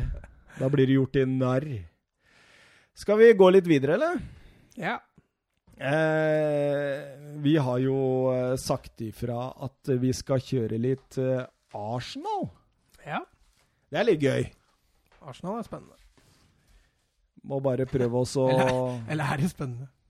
Ja, det altså det, det, det, liksom blir, ikke, det, er ikke, så mye vi Altså Med tanke på ressurser og sånne ting, så er det liksom ikke så veldig mye vi får gjort. da på Nei, og det, er jo nettopp det. At dette blir jo litt, litt grann sånn mer utfordrende. fordi vi har jo nesten Altså, vi har vært gjennom Chelsea, visst overgangsnekten uh, gir seg, holdt jeg på å si. Vi har vært igjennom Manchester United, som kontoen er full. Vi har vært igjennom Juventus, hvor de har bra med cash. Og så kommer vi til et eh, Arsenal nå, da, hvor vi må liksom begynne Altså, vi kan ikke bare si ja, så burde de hente Mbappé og ikke sant? Det, det, det, det, blir så useriøst, så vi har jo tatt litt hensyn til det, da. Ja. Um, kan snakke litt først om Arsenal og uh, deres uh, fantastiske eier. ja, ja. Stan Crunky. Amerikansk businessman og entreprenør. Han, vet du hva? Han, eh, det begynner jo å bli litt sånn Newcastle-tendenser der nå. Arsenal-fansen er Ja, ja, ja. ja. Eh, han eier jo da altså Crunky Sport and Entertainment, som igjen eier Arsenal.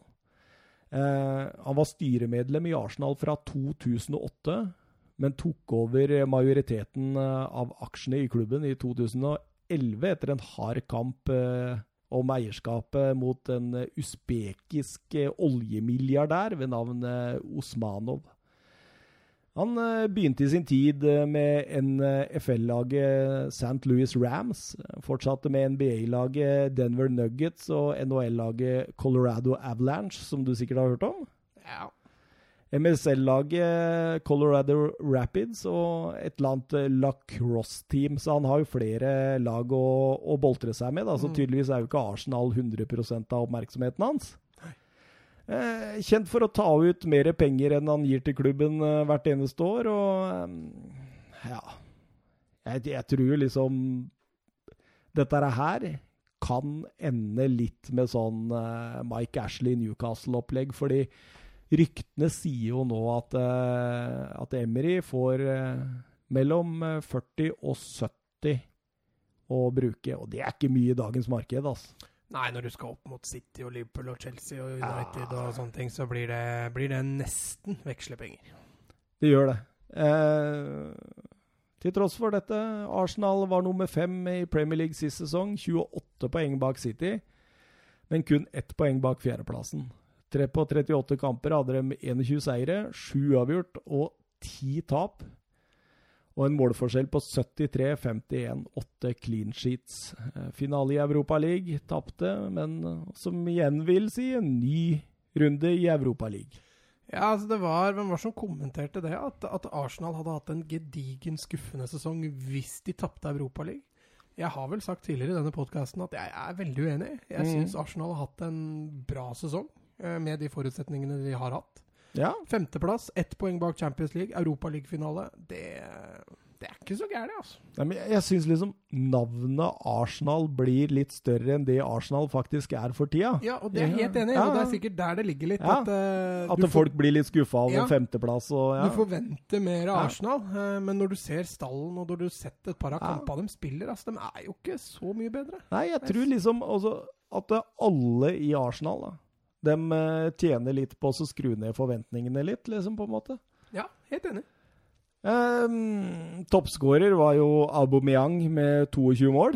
Uh, Lacassette av 13, og nummer tre var Miktarian med 6. Og det sier vel kanskje litt om uh, problemet òg. At uh, tredje mestskårende i laget er en spiller som var ekstremt mye ut og inn av laget. Ja, men altså Der har jo Unai Emery hatt et lite problem òg, med tanke på Øzil. Ja, ja. Han vil jo gjerne at Øzil skal få det til, og det skjønner jeg veldig godt. Og da er det jo gjerne Myktarian som ryker når, eh, når Øzil prioriteres. Av uh, spilleroverganger så langt av betydning, så har de gitt bort uh, Aaron Ramsey til Juventus på free transfer.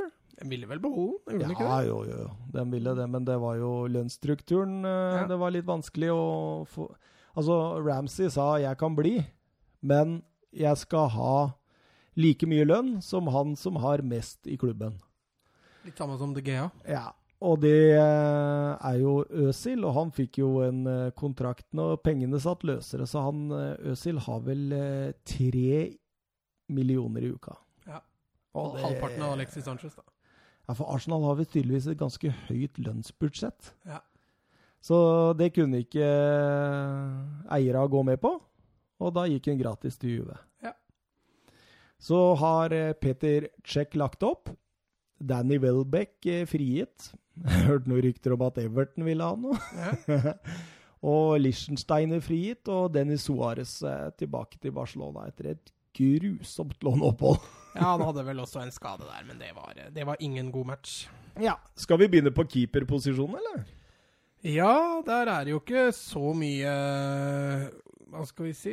Mye å snakke om. De har jo Bernt Leno, og så har de vel han argentineren. Ja, Emiliano Martinez, som var på utlån i Redding, var det vel denne sesongen? Ja, men så kommer vel godeste Ospina tilbake, gjør han ikke det? Jo, men jeg tror han skulle bli frakta rett ut igjen. Ja. Mhm.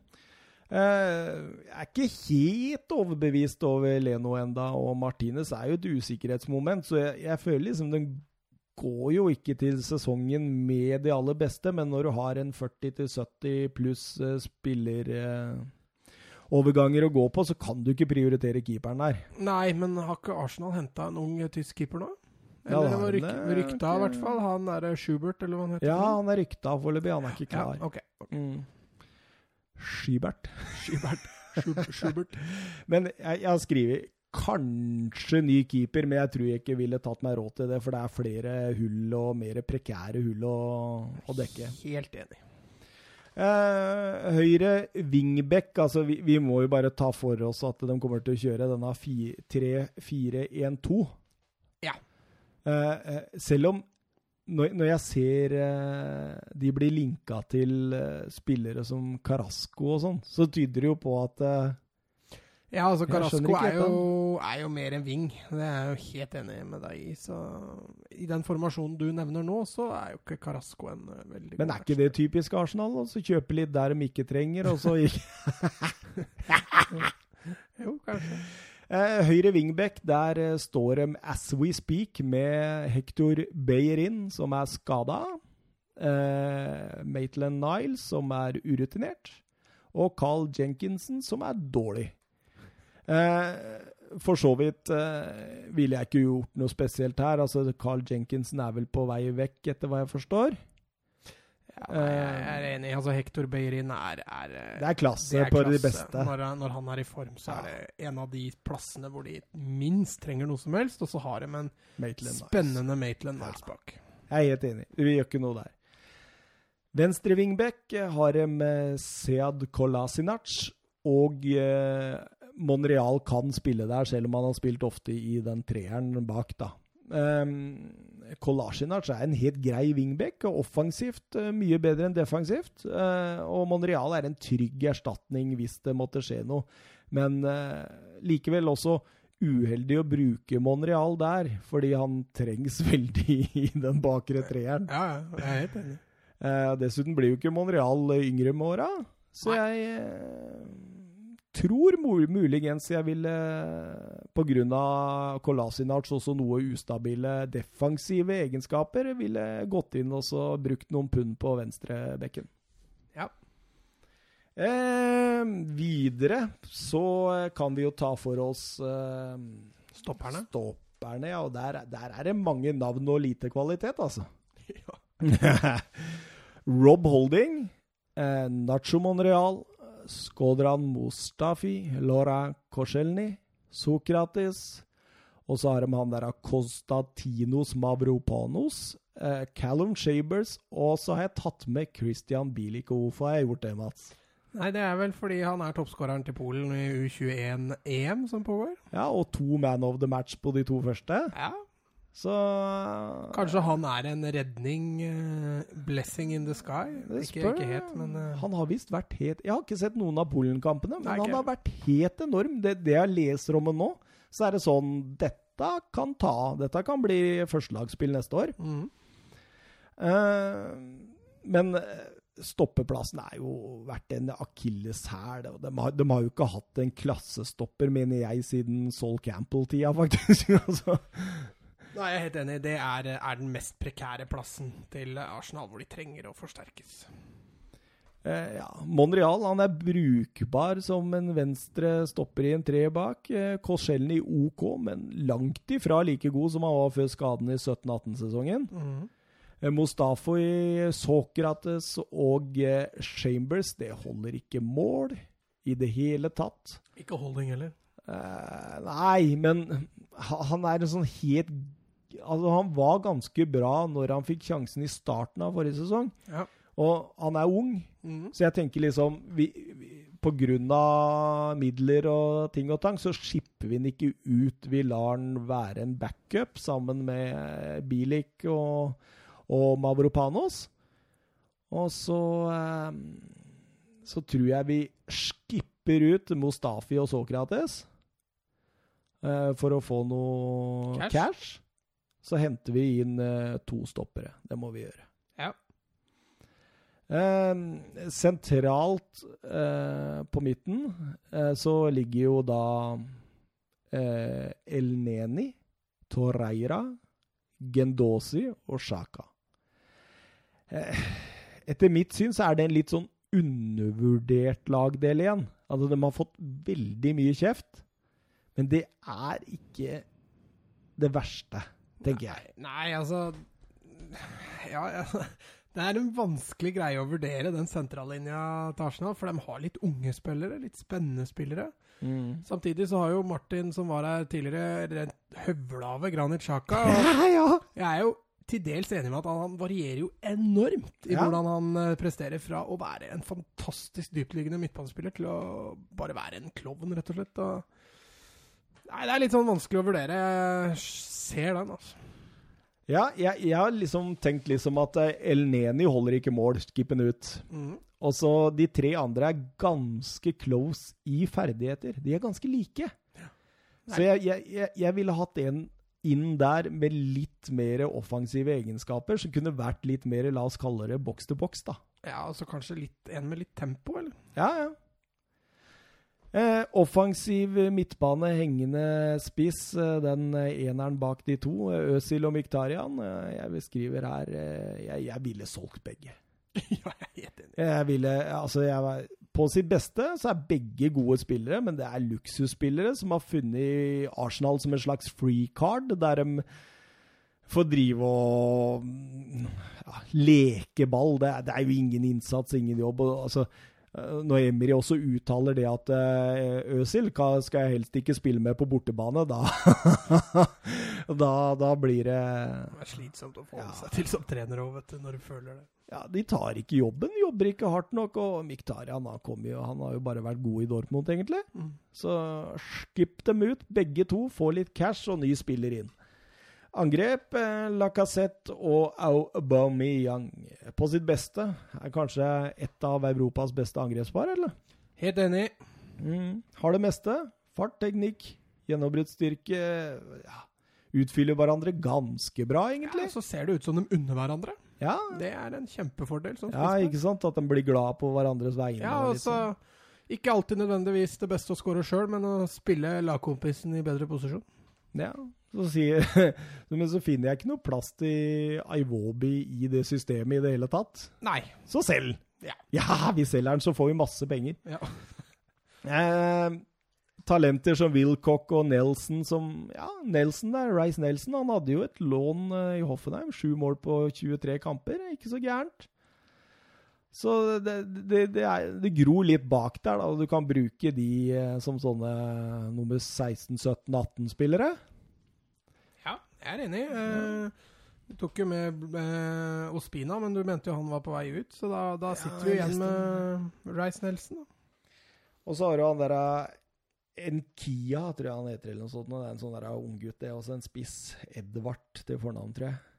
Litt usikker. Men eh, poenget er at det, det fins noen unge spillere der som det går an å Det går an å bruke, som sagt, som nummer 17, 18, 19 i troppen osv. Så, videre. Eh, så da har jeg sagt eh, selge Mustafi. Selge eh, han for eh, Ja, hva får du? 25? Ja, mellom 20 og 25, kanskje? Ja, kanskje. Sokratis, eh, 15. Ja. Chambers 10. ja. Ja, jeg tror en sånn der uh, Fullham-opplegg liksom kunne fort kjøpt han for 10. El Neni 5, eller? jeg, skjønner Altså, jeg er bedre enn han. Det er helt tragisk, spør du meg. Øsil, der er det vanskelig å spå hvor mye de får, fordi lønna er så høy. ja. Den, men jeg tror ikke det er så lett å selge han heller. Hvor mange år har han igjen av kontrakta? Ett? Ett, ja. Ja, den er, det er en kinkig situasjon. Jeg tror nesten du må gi den bort gratis. altså. Ja, jeg tror jeg jo. Eh, Miktarian kanskje får 20 for den. Og Iwobi 25 til 30. Og Jenkinson jeg så det var spekulert til fem. Ja, så du lander jo på Rundt nesten til milliard. Ja. ja rundt en milliard. Så uh, milliard pluss uh, 40 til 70, da, så ligger vi sånn noenlunde på grensa når vi skal begynne å handle inn spillere, tenker jeg. Ja. Dette er drømmetenkning i forhold til Ja, ja, ja, men det, altså, vi, kan, vi kan jo ikke sitte og, og, og trykke det ned, da. Nei. Men vi må eh, Vi må gå videre, og så, så må vi diskutere. Vi snakka jo om at vi vil ha en ny bekk. Ny venstrebekk. En venstrebekk. Ja, venstrebekk. Har du noe forslag, eller? Ja, så jeg tenkte på én. Uh, Alex Grimaldo i Benfica. Ja. Uh, jeg tror ikke han blir noe sånn overdyr. Han er en offensiv av natur, men han er også god defensiv. Har jo forhistorien sin i Barcelona. Hadde jo en veldig god sesong i Benfica i år. Mm. men er litt skadeplaga. Så sånn sett passer han jo perfekt i Arsenal. Ja, ja. Og da, da blir det action på venstrebekken. Ja, har du flere, eller? Jeg ser vel egentlig på han som det mest eh, Av de jeg kom på, i hvert fall, som eh, det mest uh, fornuftige. Ja, jeg har sett en link som jeg, jeg likte veldig godt i forhold til Arsenal. Og det er Kirian Turney på, på Celtic. Ja. Og ung venstrekant. Og, og Transfermark sier at han vil koste 12,5, men det tror jeg ikke på. Det er, det er i hvert fall det dobbelte. Altså, har- sånn som pengene er i England Ja, nå, så må du jo nesten doble det. Ja, ja, ja. Det er i hvert fall det dobbelte, og kanskje litt mer òg. Men øh, å, å hente han inn for en 250, altså det, 25, som vi sier her, Ja. det, det, det tror jeg ikke er så gærent. Nei, mer sannsynlig det, ja. Ja, da har du en øh, venstrebekk der i mange år. Ellers så har jeg kommet over en spiller som jeg liker ganske godt. Jeg har sett en del videoer med ham nå i det siste og sånn. Okay. Ja, jeg veit ikke åssen jeg kom over den, men fordi han spiller for eh, Atletico Paranese i Brasil. Ja. Men en som heter Renan Lodi Jeg snakka vel om den så vidt når vi Ja, stemmer. fordi det, det så ut som en sånn Marcelo-type. ja. Så han, lik, han likte jeg som en wingback, ja. ja. Så jeg tenkte Arsenal, tenkte jeg med en gang der. Mm. Så Renan Lodi, altså han er bare 21 år og en sånn type moderne Nei, det er selger ikke billig i Brasil lenger, eller vet du. Nei, men du kan sikkert få den for 10? 10-15? Tror du får det så billig? Ja, men han er ikke på landslag eller noen ting. Det er kanskje Nei, litt nei, det... vanskelig med den arbeidstillatelsen, da. men- Det var jo ikke verken Rodrigo eller uh, Venitius heller, når Real Madrid henta de to for Nei, men de er en atskillig yngre da, og litt mer profilerte. Her snakker vi om en som Jeg tror ikke det er mange i Norge som har hørt om han. Nei, nei, for så vidt. Kanskje. Hørte først i 90 minutter. Renan Lodi. Bare, bare søk opp noen videoer og sånn, så blir du ganske imponert. Ellers så er jeg også Jeg har skrevet Ryan Cessenjå, det, da. Han er jo en uh, wingback-type som er fantastisk, men kan vel kanskje bli litt dyr? Ja, det tror jeg, ja. Hvor mye tror du må opp med han? 40-50? Ja, det tror jeg at det blir Ja. mellom 40 og 50. Uh, Fullheim er jo De er jo ikke avhengig av å selge dem. Det koster jo ikke så nødvendig Det er jo nødvendigvis ikke så fattig å rykke ned fra Premier League. Nei, men vi- hvis vi sier da f.eks. Kearney da, eller Renan Lodi, og så sier vi at de koster eh, 25, en av, en av de to. Ja. Så, så hadde vi jo da i, i minste fall eh, 1,4, så da har vi jo 1,15 igjen. Ja. Ja, ja. Så da må vi gå på stoppera. Og så er ikke bare å cashe inn den release-klausulen til han Kostas Malone, Malone, Manolas nå. ja, men føler du den er 38. Bare få inn han. Rutinert, holder noen år til. Kan ta den rollen. Er litt sånn sjef. Spiller med hjertet utapå drakta. Ja, men Er ikke han litt mer sånn Er ikke fullt så ballspillende type? Nei, men, men nå skal vi ha en treer bak der, ikke sant? Ja, ja, men du har jo allerede Korselny og, og Monreal, da, hvis vi bruker de to. Ja, men han Monreal, han eh, Han skyver vi ut? Ja, det er 33-34 år. Det er ikke sikkert han eh, Og Korselny er jo skadeplaga. Jeg, jeg vil i hvert fall ha inn en stopper eller to. Ja. Og Kostas Manolas føler jeg er en spiller som kan heve det Arsenal-laget voldsomt. Mm. Litt sånn Eh, Tony Adams-type? Ja, litt sånn eh, Spiller litt med hjertet utapå drakta. Kan, kan heve hele leddet, på en måte. Er litt sånn sjefsfigur. Litt sånn stå fram. Og så, eh, så har jeg sett litt på han der eh, Stefan de Vrij på eh, Frøy, er vel han heter på På Inter? Nei, Lazio er det vel. Er det ikke det? De Vrij spiller Ja, på på Inter. Inter nå, ja. Ja, stemmer det. Stemmer det. Han var i Lazio. Mye mulig. Jeg håper det. han også kan være en sånn ja, En fin type for Arsenal. Ja, må jo, altså I forhold til sannsynlighet, da, så må vi vente og se hva Conte vil ha med seg videre. og sånt Ja, ja. også, Men sikkert en spillertype som passer greit inn i Arsenal. Og så går det jo sterke rykter om at de er i ferd med å hente en stopper, da. Og det er jo eh, William Saliba. Dette er en 18-åring fra Sant Etier. Som eh, vil, eh, ifølge avisene, koste 25 og bli lånt ut tilbake til Santet i første året. Så det er, litt rart hvis det må Men det er veldig typisk Arsenal òg, vil du ikke si det? Ja, ja, det er jo det. Kjøpe unge franskmenn, og så leier dem ut, eller Eller la dem spille på Men, reservelag. men jeg har hørt mye bra om han Saliba. Han, Jo det, det- så, han, eh, så det kan jo altså- være et uh, valg, men jeg skjønner ikke i en trang økonomi at man skal kunne bruke 25 for å så låne ut i den situasjonen de er i nå.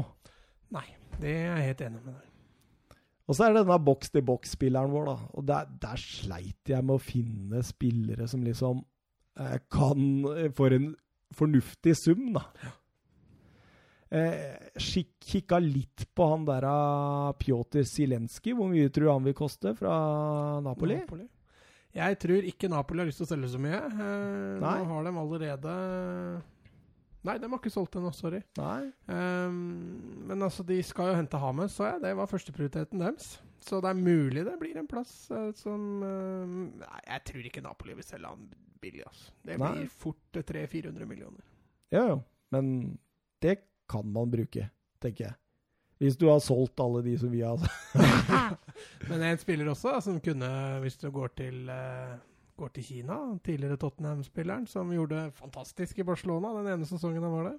Ja, Paulinho, eller? Han er jo en klassisk boks-til-boks-spiller. Ja, Eh, og jeg tror heller altså Ja, nei, jeg tror ikke Barcelona selger Vidal, men det er vel også kanskje en type som eh, ville vært sårt trengt i Arsenal. ja. Eller Kevin Prince Boateng. Nei, ja, Det kan de få gratis, faktisk.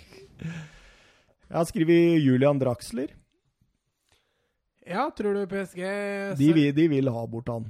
Ja, men han er ikke noe typisk sentral midtbane, han. Vil du karakterisere han som det? Nei, ikke noe typisk sentral eh, midtbane, men eh, liksom, Ja, men- han kan brukes også i noen offensive roller. Ja, da, jeg tenker mer der. Ja, At det kan ja. være en fornuftig løsning da.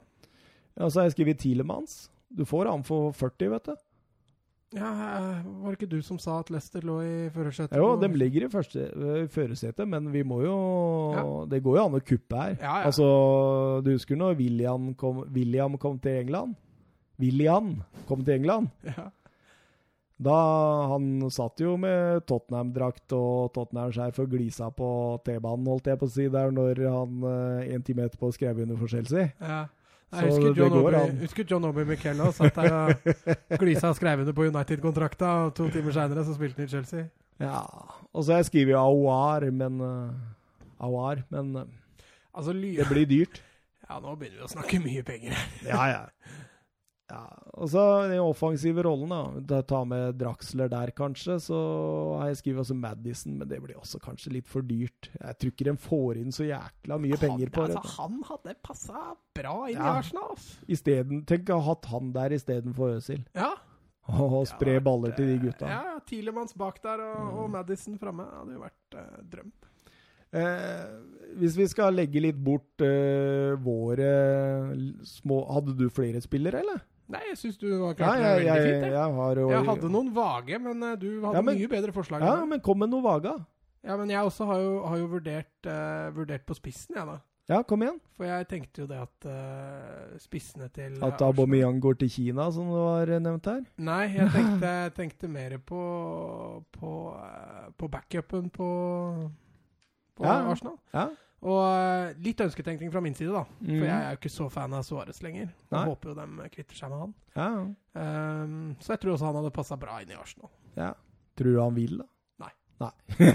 Han uh, vil bli i Barcelona. Jeg tror ikke dem selger han, men en spiller som jeg tror hadde passa fint inn i Arsenal. i hvert fall. Ja.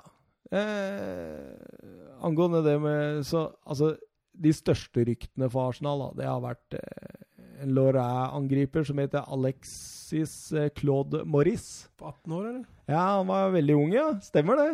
Eh, men det ser ut som eh, München Gladbach har vunnet den kampen. Det er siste, siste ryktene. Eh, også linka til en Gabriel Martinelli fra I Itoano. Gjett hvor mange, mange år han er? da? 18? Ja, han var 18.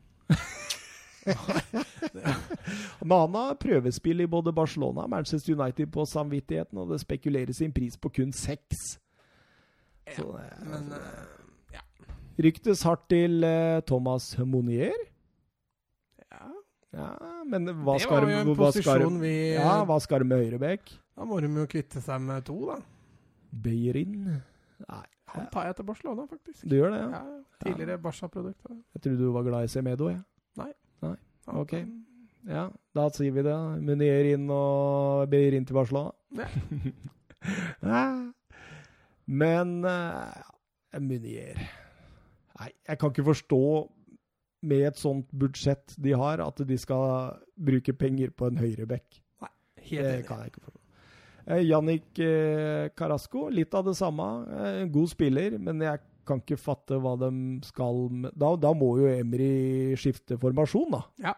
Og da har de jo ikke noe høyrekant til, så da må de kjøpe høyrekant òg, da. Nei, men altså, altså Aubameyang var jo opprinnelig kantspiller, da. Ja, men han var venstrekant, og det er jo Carasco òg. Ja, eh, så du kan jo omskolere Carasco. Han spilte jo litt spiss i Atletico Madrid òg, men eh, han er jo helt klart best på kanten. Blir wingback, han, vet du.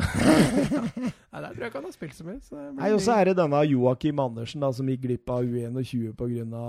kneskade der. Ja, han og jeg, det ryktet har jeg også fått nå. Ja, Så det er de mest seriøse ryktene om Arsenal. Eh, Så nå, før vi veit hele ståa med hvem som har stikket av med hvem spiller, eh, hva tenker du om Arsenal-sesongen eh, Det blir eh, 1920?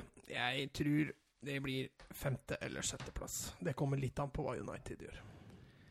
Ja, og Chelsea, eller? Ja, og Chelsea, selvfølgelig. Og Chelsea, Det er, det er tre lag nå som seiler veldig opp, syns jeg. Det er City, Liverpool og Spurs. Jeg tror det blir de tre øverste. Det er jeg helt enig med deg, hvis Spurs henter noen spillere. Ja, men det gjør de jo. Han eh, Levi har sagt ifra at eh, nå sitter penga. Nå sitter penga. Nå sitter penga. Nå, nå, det, nå er det snakk om han eh, Fernandez, eh, er det vel, fra Sporting? Bruno, Ja, men han også, er jo linka til 13 andre klubber. Ja da, jo da, jo da. Men eh, Og så er det snakk om Lo Celso. Ja. Og så er det snakk om uh, Ndombele. Det, ja, Ndombele virker veldig close, altså, men nå har jeg sagt det i to episoder, så vi får vente vi får vente og se. Jo, altså, men Lo Celso kommer ikke til å bli billig. Han ble henta av Betis nå for 300 millioner, og det Ja. kommer ikke til å selge han i hvert fall for mindre enn 550, kanskje Nei, nei. 600 Ja, millioner. ja, det er de tallene jeg har lest òg. Men Så han blir ikke noen billigspiller. Og så skal du i tillegg hente en Dombele, da. Da passerer Tottenham 1 milliard. Altså. ja, men de har sagt det at eh, de kan fort opp i halvannen til to milliarder i, i år. Ja. Så det blir Mbappé, spennende å se. Kjøp én, da. Kjøp Mbappé. Kanskje vi skal ta Tottenham snart, da? Ja. Når vi veit at vi har litt uh, cash å styre med? ja. Der er jo jeg også en, eh, en habil ekspertkommentator. da. Jeg har jo fulgt dette laget siden 91. ja. 90-91. Og siden jeg er så god venn med deg, så har jeg fått med meg litt òg. Ja, du har det. Det er, det er klart. Eh, ellers, så vi, vi må jo kjøre flere sånne lag. Er det noen du har på tapeten, du, eller? Som Ja, jeg har jo foreslått Dortmund et par ja, dem, ganger. ja, men dem er jo, virker jo ferdighandla. Det går Ja, ikke an det å handle vi må ja, vi, kan, vi kan jo diskutere hva vi syns om det. Men vi, vi jo- kan jo ikke gå gjennom stallen og si der og der og der burde vi, Fordi nå er de jo snart ferdighandla, de der. er jo Hummels på Ja. plassa. så jeg syns Dortmund det, det virker som et spennende prosjekt eh, for tida. Bayern derimot, det virker jo Det De blir må jo begynne å kjøpe. Ja, altså, det- De har svidd av mye penger på Pavar Ja, og på Lucas Hernandez. steder de ikke nødvendigvis behøver òg, altså du, ja, ja, Nå solgte de jo Rafinha, da, så Pavar var vel uh, viktig. Men eh, Lucas Hernandez, der hadde de jo Alaba fra før. Og så Mm. selger de Hummels, og Boateng ryktes jo vekk. og Hames fikk jo ikke fornya lånet sitt, og Robben og Ribberi forsvinner. og Nei, det er Bayern. Kanskje, kanskje vi skulle tatt Bayern nå? Ja, og vi kan jo kanskje ta Barcelona. Ja, jeg syns det. Jeg regner med det kommer. Og ja, det, det, det føles liksom så rart å sitte og ta Liverpool og City, fordi jeg føler de er så komplette. Jo, det kommer noen spillerkjøp der òg. Det det, er en det eh, Rodrigo som er rimelig nære City nå, eh, blant annet. Ja. Kanskje vi skal ta Everton nå, for vi fikk spørsmål om Everton her. ja. Eh, det fører jo oss eh, naturligvis over til eh, lytterspørsmål. da. Vet du hva, Vi skulle hatt en sånn vignett på lytterspørsmål. Der, der satt den. Å, jeg er så god på sånt. Ja, nei, Jeg har en kompis som kan beatboxe veldig bra. Kan du det, eller? Nei. Nei. Jeg skal ikke begynne med det nå, i hvert fall. Klokka tolv på natta. Han har blitt såpass, ja. Ja, nei, Everton, altså. Det, det er jo et- egentlig et veldig spennende lag, med en veldig spennende trener. Ja, eh, vi fikk fra Gabriel Haaland her. Hei, Gabriel. Hei, Gabriel. Hva synes eh, dere Everton bør gjøre overgangsvinduet? Hvilke plasser bør forsterkes, og er DCL, Dominic Calvert-Lewin der altså, eh, god nok til å bryte inn, eh, eller spille spiss dersom de skal bryte inn i topp seks? Og Altså, kanskje vi skal ta en sånn Everton litt seinere. Det hadde vært litt moro, egentlig. Men jeg, jeg rabla nå ned en skisse, da. Mm. Og eh, fant ut at dette laget som eh, spiller 4-2-3-1 under Silva, de eh, mangler en eh, spillende stopper. Ja, det er jeg enig med deg i. Ja. Distribueringa bakfra der, den er ikke alltid vært den beste når jeg har sett eh, Everton. Eh, de er, blir best når de begynner på bekka sine, Mhm. og veldig sjelden når de begynner som stoppere. Eh, Keane, Zuma, Jeremina bak der, eh, alle er gode duellspillere. Jeg hørte ikke du noen rykter om at Jo, jo, det, det er derfor jeg sier Zuma nå. Fordi både Zuma og Gomez virker å være ganske close på å skrive permanente avtaler. Mm. Så øh, vi, vi anser vel kanskje Altså, de, de spilte jo noe av sin beste fotball, de for Everton i, i eh, fjor, så det kan godt hende de ser det som en Ja, fint Gomez eh, forlot jo Barcelona relativt mislikt blant fansen, i hvert fall. Han ble jo bua hit og dit, han, så jeg tror ikke han er noe sånn supergira på å returnere heller. Nei. Eh, eh, altså, Coleman på høyrebekkene, han er jo eh, fantastisk det beste, høyeste nivået hans, men han, han blir ofte litt skada og litt sånne ting, så kanskje hatt en sånn habil høyrebekk som kunne utfordre han litt. Men på sitt Eh, beste så er jo Coleman et uh, solid uh, ve førstevalg. veldig god. Mm. Jeg mener Pickford holder, jeg mener Dign holder, jeg mener Idrissa Gay og Gomez hvis Gomez kommer der på midten. Eh, hvis ikke Gomez kommer, så må de ha inn en, eh, en defensiv der sammen med Idrissa. Mhm. For uh, Idrissa er du glad i. Ja, jeg, jeg syns han er fantastisk. Mm. Som en ballvinner og som en, liksom, en sånn defensiv terrier, så syns jeg han er eh, en av eh, verdens beste i den posisjonen. Mm. Uh, så syns jeg på på venstresida der har hun vel Bernard og Richarlison stort sett spilt. Eh, trygg og fin eh, linje der. Richarlison hadde jo en fantastisk sesong.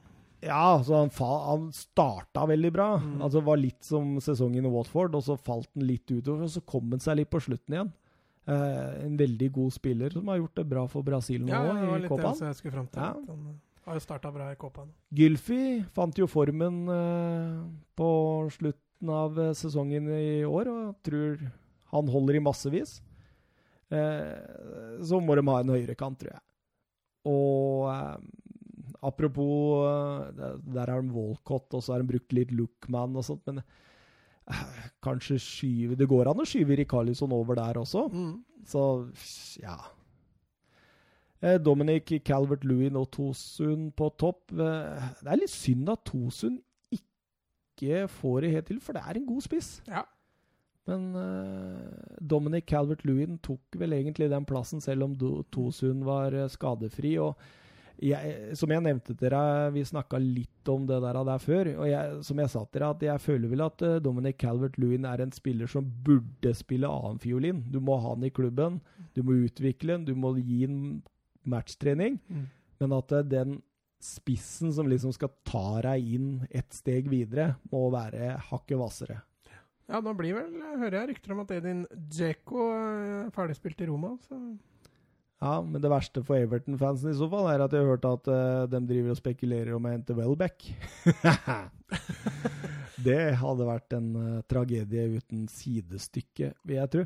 Um, så da, da Jeg faller vel egentlig ned til, uh, hvis Gomez og Soma, Soma kommer, at de må ha en spillende stopper, en høyre kant og en main target spiss. ja. Og en backup høyreback. Ja, og en backup høyrebekk. De, de har sendt han Kenny nå til Tyskland, har de ikke det? Jo, stemmer. Eh, hvem det enn kan bli ja, Kanskje vi skal kjøre en Everton litt seinere, Mats? Ja. Ja. Skal vi gå litt videre? Vi kan jo ta en fra Jonathan Hobber. Veldig hyggelig, han. Han sender inn hver gang. Hei, Jonathan. Eh, tror dere Messi kommer til å gi seg på landslaget etter at de ryker på 0-3 mot Qatar i siste? Han ser ikke litt spilleglede i Messi engang på landslaget. Du er, du er Messin, så jeg eh, Det er et veldig godt spørsmål og veldig vanskelig å svare på. Messi har lagt opp på landslaget sikkert fire ganger nå. Savner et godt landslag rundt seg. og Jeg ser det, ser det samme som Jonathan, egentlig, at han virker fed up og lei. Men at han har jo den indre ønsket om at han har lyst til å lykkes med Argentina. Tror du det var litt hardt slag når Ronaldo lykkes med Portugal, eller? Ja, altså, Han virker jo ikke veldig påvirka at Ronaldo lykkes. Det er kanskje heller vice versa, at det er Ronaldo som Ja, altså, Jeg tror nok Messi blir jo selvfølgelig lei seg at han ikke får det til med, med Argentina. Men jeg tror ikke han sitter og føler seg bitter fordi Ronaldo får det til. Det tror jeg ikke. Nei eh, Men om jeg tror han legger opp eh, det er et Veldig godt spørsmål. Jeg, jeg, jeg Si ja. tør ikke påstå Ja.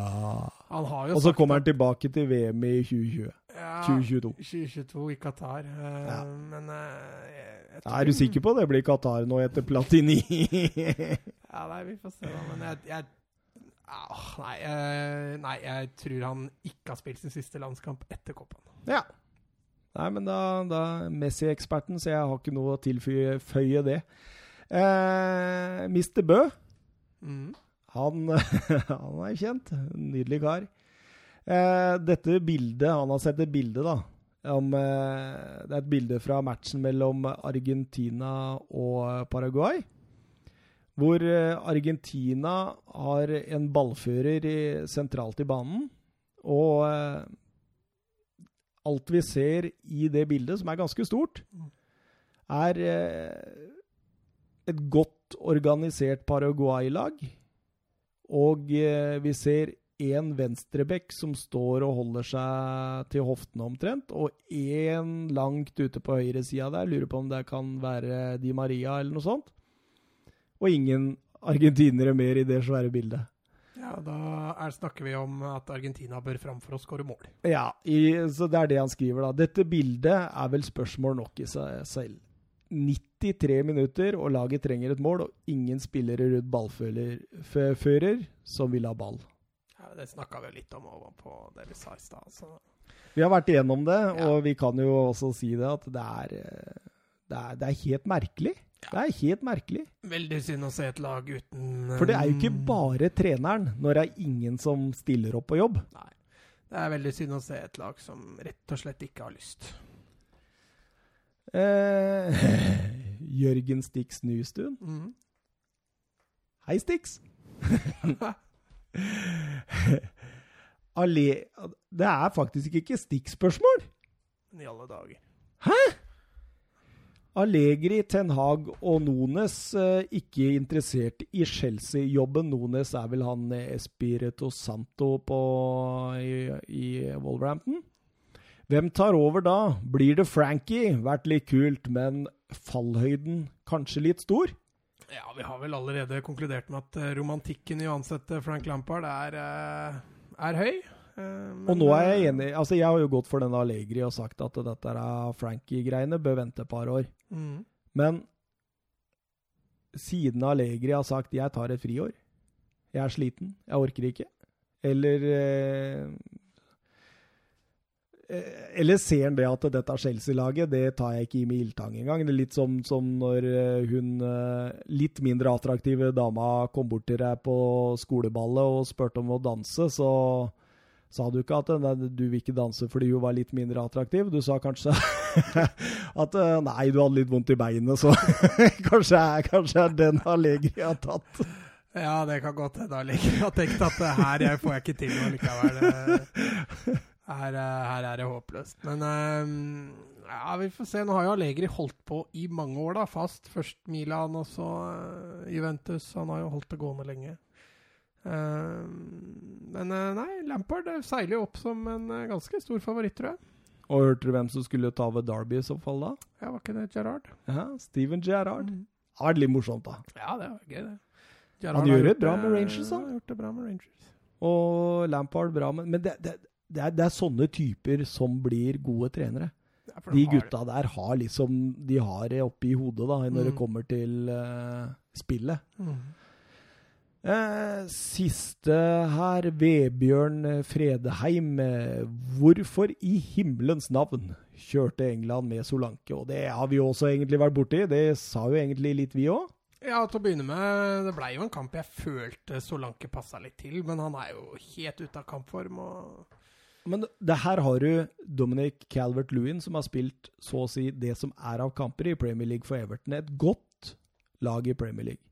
Og så har du Tammy Abraham, som har rykka opp med Aston Villa og skåret 26 mål. Og så har du Solanke, som dro til Bournemouth og fikk ikke spille fotball selv om Wilson var skada, til og med. Mm.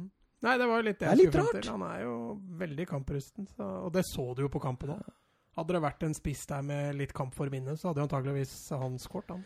Rashford, han kunne vært der. Rashford kunne vært der. Da, da hadde det nok sett annerledes ut, muligens. Det skal du ikke se bort ifra. Nei, Mats. eh, tiden tikker og går. Du har vært på Tusenfryd. Jeg har eh, hatt en lengre løpetur eh, gjennom gjørmer og alt som er i dag, for å ta meg opp til eh, barnehagen hvor dattera mi eh, går. Så eh, vi er vel slitne og trøtte. Ja. Jeg skal på jobb i morgen tidlig. Hva skal du i morgen? Eh, jo, jeg skal levere is til eh, skolebarna mine. Gøy? Det er siste skoledag som eh, barneskoleelev, så Gir du et par av de bonusbarna mine is òg, da? eller? Nei. Hæ, får de ikke is? De går, de går ikke i 7. klasse, gitt. Nå blir du skuffa over det. Jeg tror ikke de får med seg at jeg er der engang, så det går Nei. fint. Nei, nei, nei. S- nei. Vi bare snakker om når vi tar neste, men det blir jo ikke så lenge til. England spiller jo U21-20 i morgen kveld. Den må du få med deg. England eh, skal vi nok få med oss. eh, Jeg ser jo at Den er eh, viktig, da. Romania-England, den kan bli gøy. Romania og England, og så blir det litt nerver der. Ellers er det jo kamp om gruppeseier i Copa America mellom Peru og Brasil i morgen klokka ni. Så det er jo et tidspunkt det går an å se fotball. Oi, oi, oi, oi, oi. Da skal jeg fortelle min kjære at uh, fredagskvelden blir fotball i dag. Og så er det jo også en kamp i morgen. En Viktig kamp i U21-EM eh, i morgen, eh, når eh, gruppe A skal Oi, oi, oi, avgjøres. Der kan uh, Spania eller Italia ryke. Ja, dem uh... Hvem tror de ryker, sånn på stående fot? Ah, Det er så vanskelig for Spadia. Hvis de slår Polen, så får de seks poeng. Hvis Italia slår Belgia, så får de seks poeng. Da står det tre lag på seks poeng. Og da står det jo litt om målforskjell, da, men eh, seks poeng vil jo mest sannsynlig holde til en beste tredjeplass. Ja. Og når stemmen forsvinner, så tror jeg vi takker for oss, jeg. Ja, det er jeg enig i. Ha det bra, alle sammen. På gjensyn. Uh, hyggelig at dere fulgte oss helt til døra. Uh, skriv til oss på Twitter, Facebook, uh, eller har dama di tatt over Instagram, eller? Ja, hun skulle egentlig begynne med det når du kom nå, da, men så glemte vi det. Ja, Får se om jeg husker koden nå. Ja, det er det du må huske. Ja, jeg skal prøve å finne den. Å, det blir gøy når Ida tar over den. Ja, det blir kjempegøy. Ja, da skal jeg følge med. Da skal jeg like. det er jo så dumt å like sine egne. Det er det er greia. Så da kan jeg like siden vi har sånn sekretær som gjør det for oss. Ja. Nei, men det er nydelig, det. Eh, god natt, da. God natt, god natt.